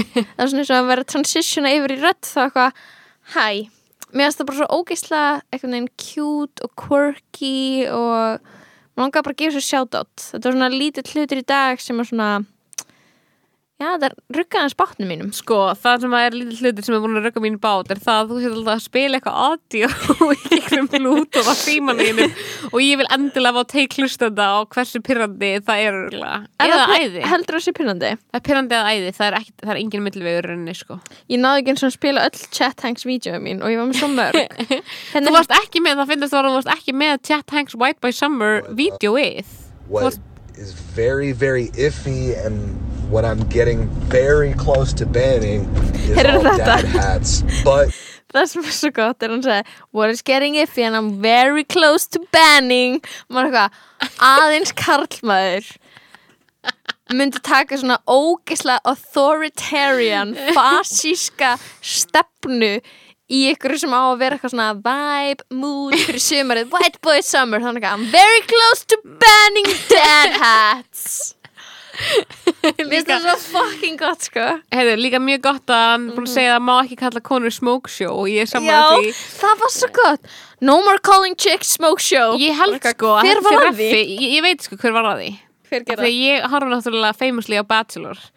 Og það er að gauður sem var mjög frægur fyrir það að vera algjör hérna lúði og var alltaf að kalla The Bachelorette Tasha she's a complete smoke show. Og, Kill me now. Og það langaði til að deyja. Og það var eina sem að gæti sagt um hana. Og ég held að þetta sé raunverulega betur eftir í það þetta, þetta, term hafi náðið einhverju dreifingu skilur og núna sé bara Chat Hanks White by Summer putting an end to it. Very close to banning. I'm very close to banning it sko. Very close to banning it. Uh, Herðu, eitt sem við þurfum að segja Já, um páskana. Ég held, ég held að við verðum í úttarpinu já, við verðum með þátt Það verður þáttur spilaðir það verður þáttu spilaður Það verður þáttur skilst. spilaðir þar sem ég kom fram Þar sem ég segi hluti sem ég stend ekki 100% með. Ég Vá, segi annað en þessi þáttur þú stendur með öllu. Ok, reyndar Ég var að spá í einu. Nei, þetta er farlega pæling Ég er bara að spá hvort þetta Vá, maður ekki, gæti ekki eins og stað með þessu. Ég var að spá hvort þetta maður sleppa eða klippuna þátt uh, og leifa hann bara að vera svona chaotic eins og var þegar ég var að spila hljóðin. Æ, þú verður þá að gera það út því að tala mínu dáin núna. Ok, That's up to you að finna mig eins og ég, þegar ég hef klift. Þú veist, veist ég ætla, ég ætla að liður þrjú. Liður þrjú í aðtilspresta lokasti nýr liður. Ok, love. Er að þarna ég klippi geðið oft eitthvað sem ég segi út af þáttunum og þegar ég er hingað til bara búin að sjá um að klippa þættina. En ég veit að Þetta þú að þú hlustar ekki á það aftur Nei, en ég myndi lyftu? mun eftir nei, þú myndir ekki muna eftir því en ég klippa stund þannig að þú veist, ég veit ekki hvort það er svo áhrif okkur sem þú segir. Ég bara hugsa eftir að bara æ, þetta var ógísla fárlegt og ég bara klippi það út kannski bara mínúti af ykkur sem ég segi.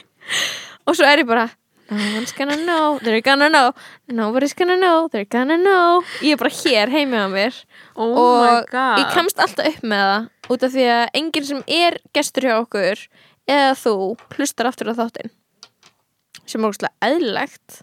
Annað væri fullkomlega psychotic. Ég veit ekki hvar ég myndi fá orku í að hlusta á þátt í fyrsta lagi tala við mig í tvo tíma. Í öðru lagi hlusta á mig tala í tvo tíma uh, Herðu, ég kom með sko reynd að ægna þátturinn þar sem að við verðum á rás 1 já. klukkan 10.13 um morgun á páskadag, ég er ekki djóka ég veit ekki eins og hvað dagur það er. Þú segir páskadagur við mig og ég er bara whatever that Á is whenever that is. að ára sunnudaginn, þannig að þetta- síðasti dagskáliður fyrir páskamessuna sjálfa sko, þannig að fólk verður vaknað og það verður páskaegg ok, hver, og getur hlusta á okkur hver sett upp þá tala við dagskrá? Ann- Annu Marsabil um um Disney sexy myndir. húsgögn. Það er það sem ég manni ég hafi sagt. Ég segi eitthvað svona auðvitað finnst manni húsgögn sexy þegar það búið að setja löngögn Lengu eknar ég, ef að húsgögn reyfi sér kynferðslega þá er, það, þá er það sexy og það er bara þannig sem að mannlega þarna, kynferðisvitund virkar. Og ég er bara hver helduru að þú sért siggadögg kynfræðingur? Hættu að tala. Oh shut the fuck up þetta var dagir sem ég var á bendur bara ekki limið þunri í útafsviðtal ertu gæði ertu mentally ill? En það verður æðislega þá.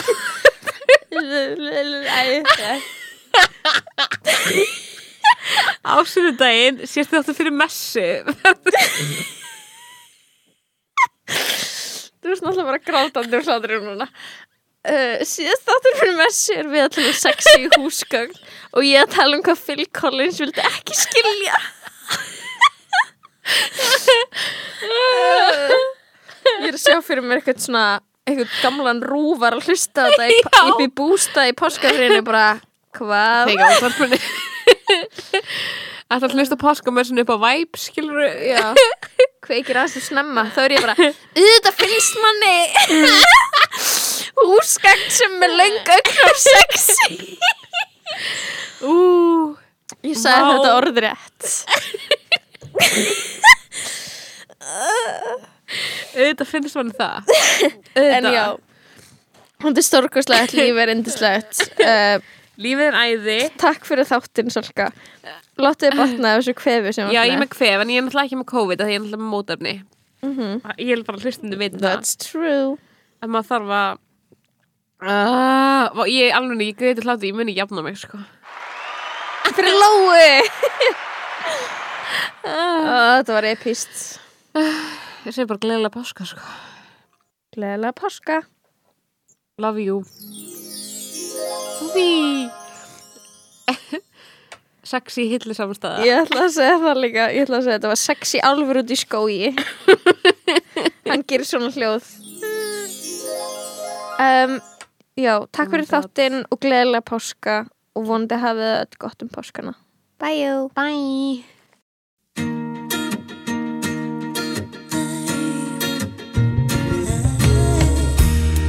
There's freedom within. There's freedom without. Trying to catch the days in a paper cup.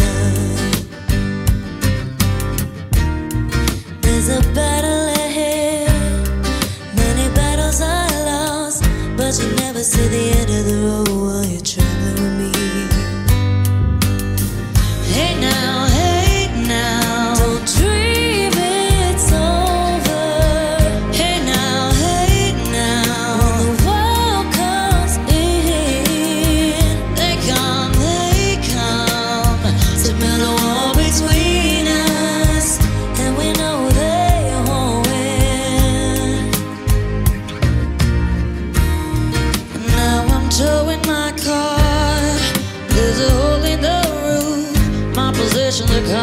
Suspicion, but there's no proof.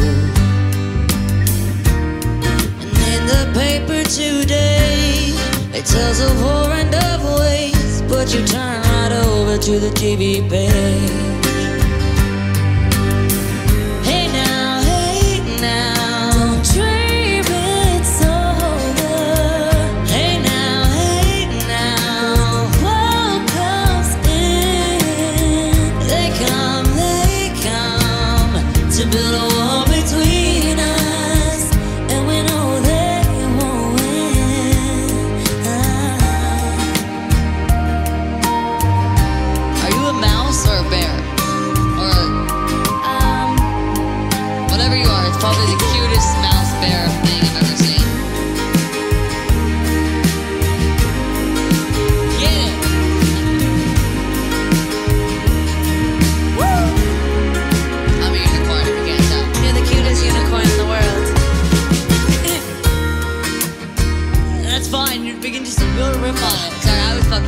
You. I was riffing. Sorry. I was flirting. Sorry.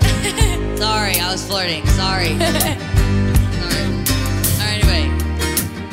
I'm walking again. No, sorry, I'll, I'll, I'll fuck off. Sorry, here we go. I'll start it. Here. Alright, here we go.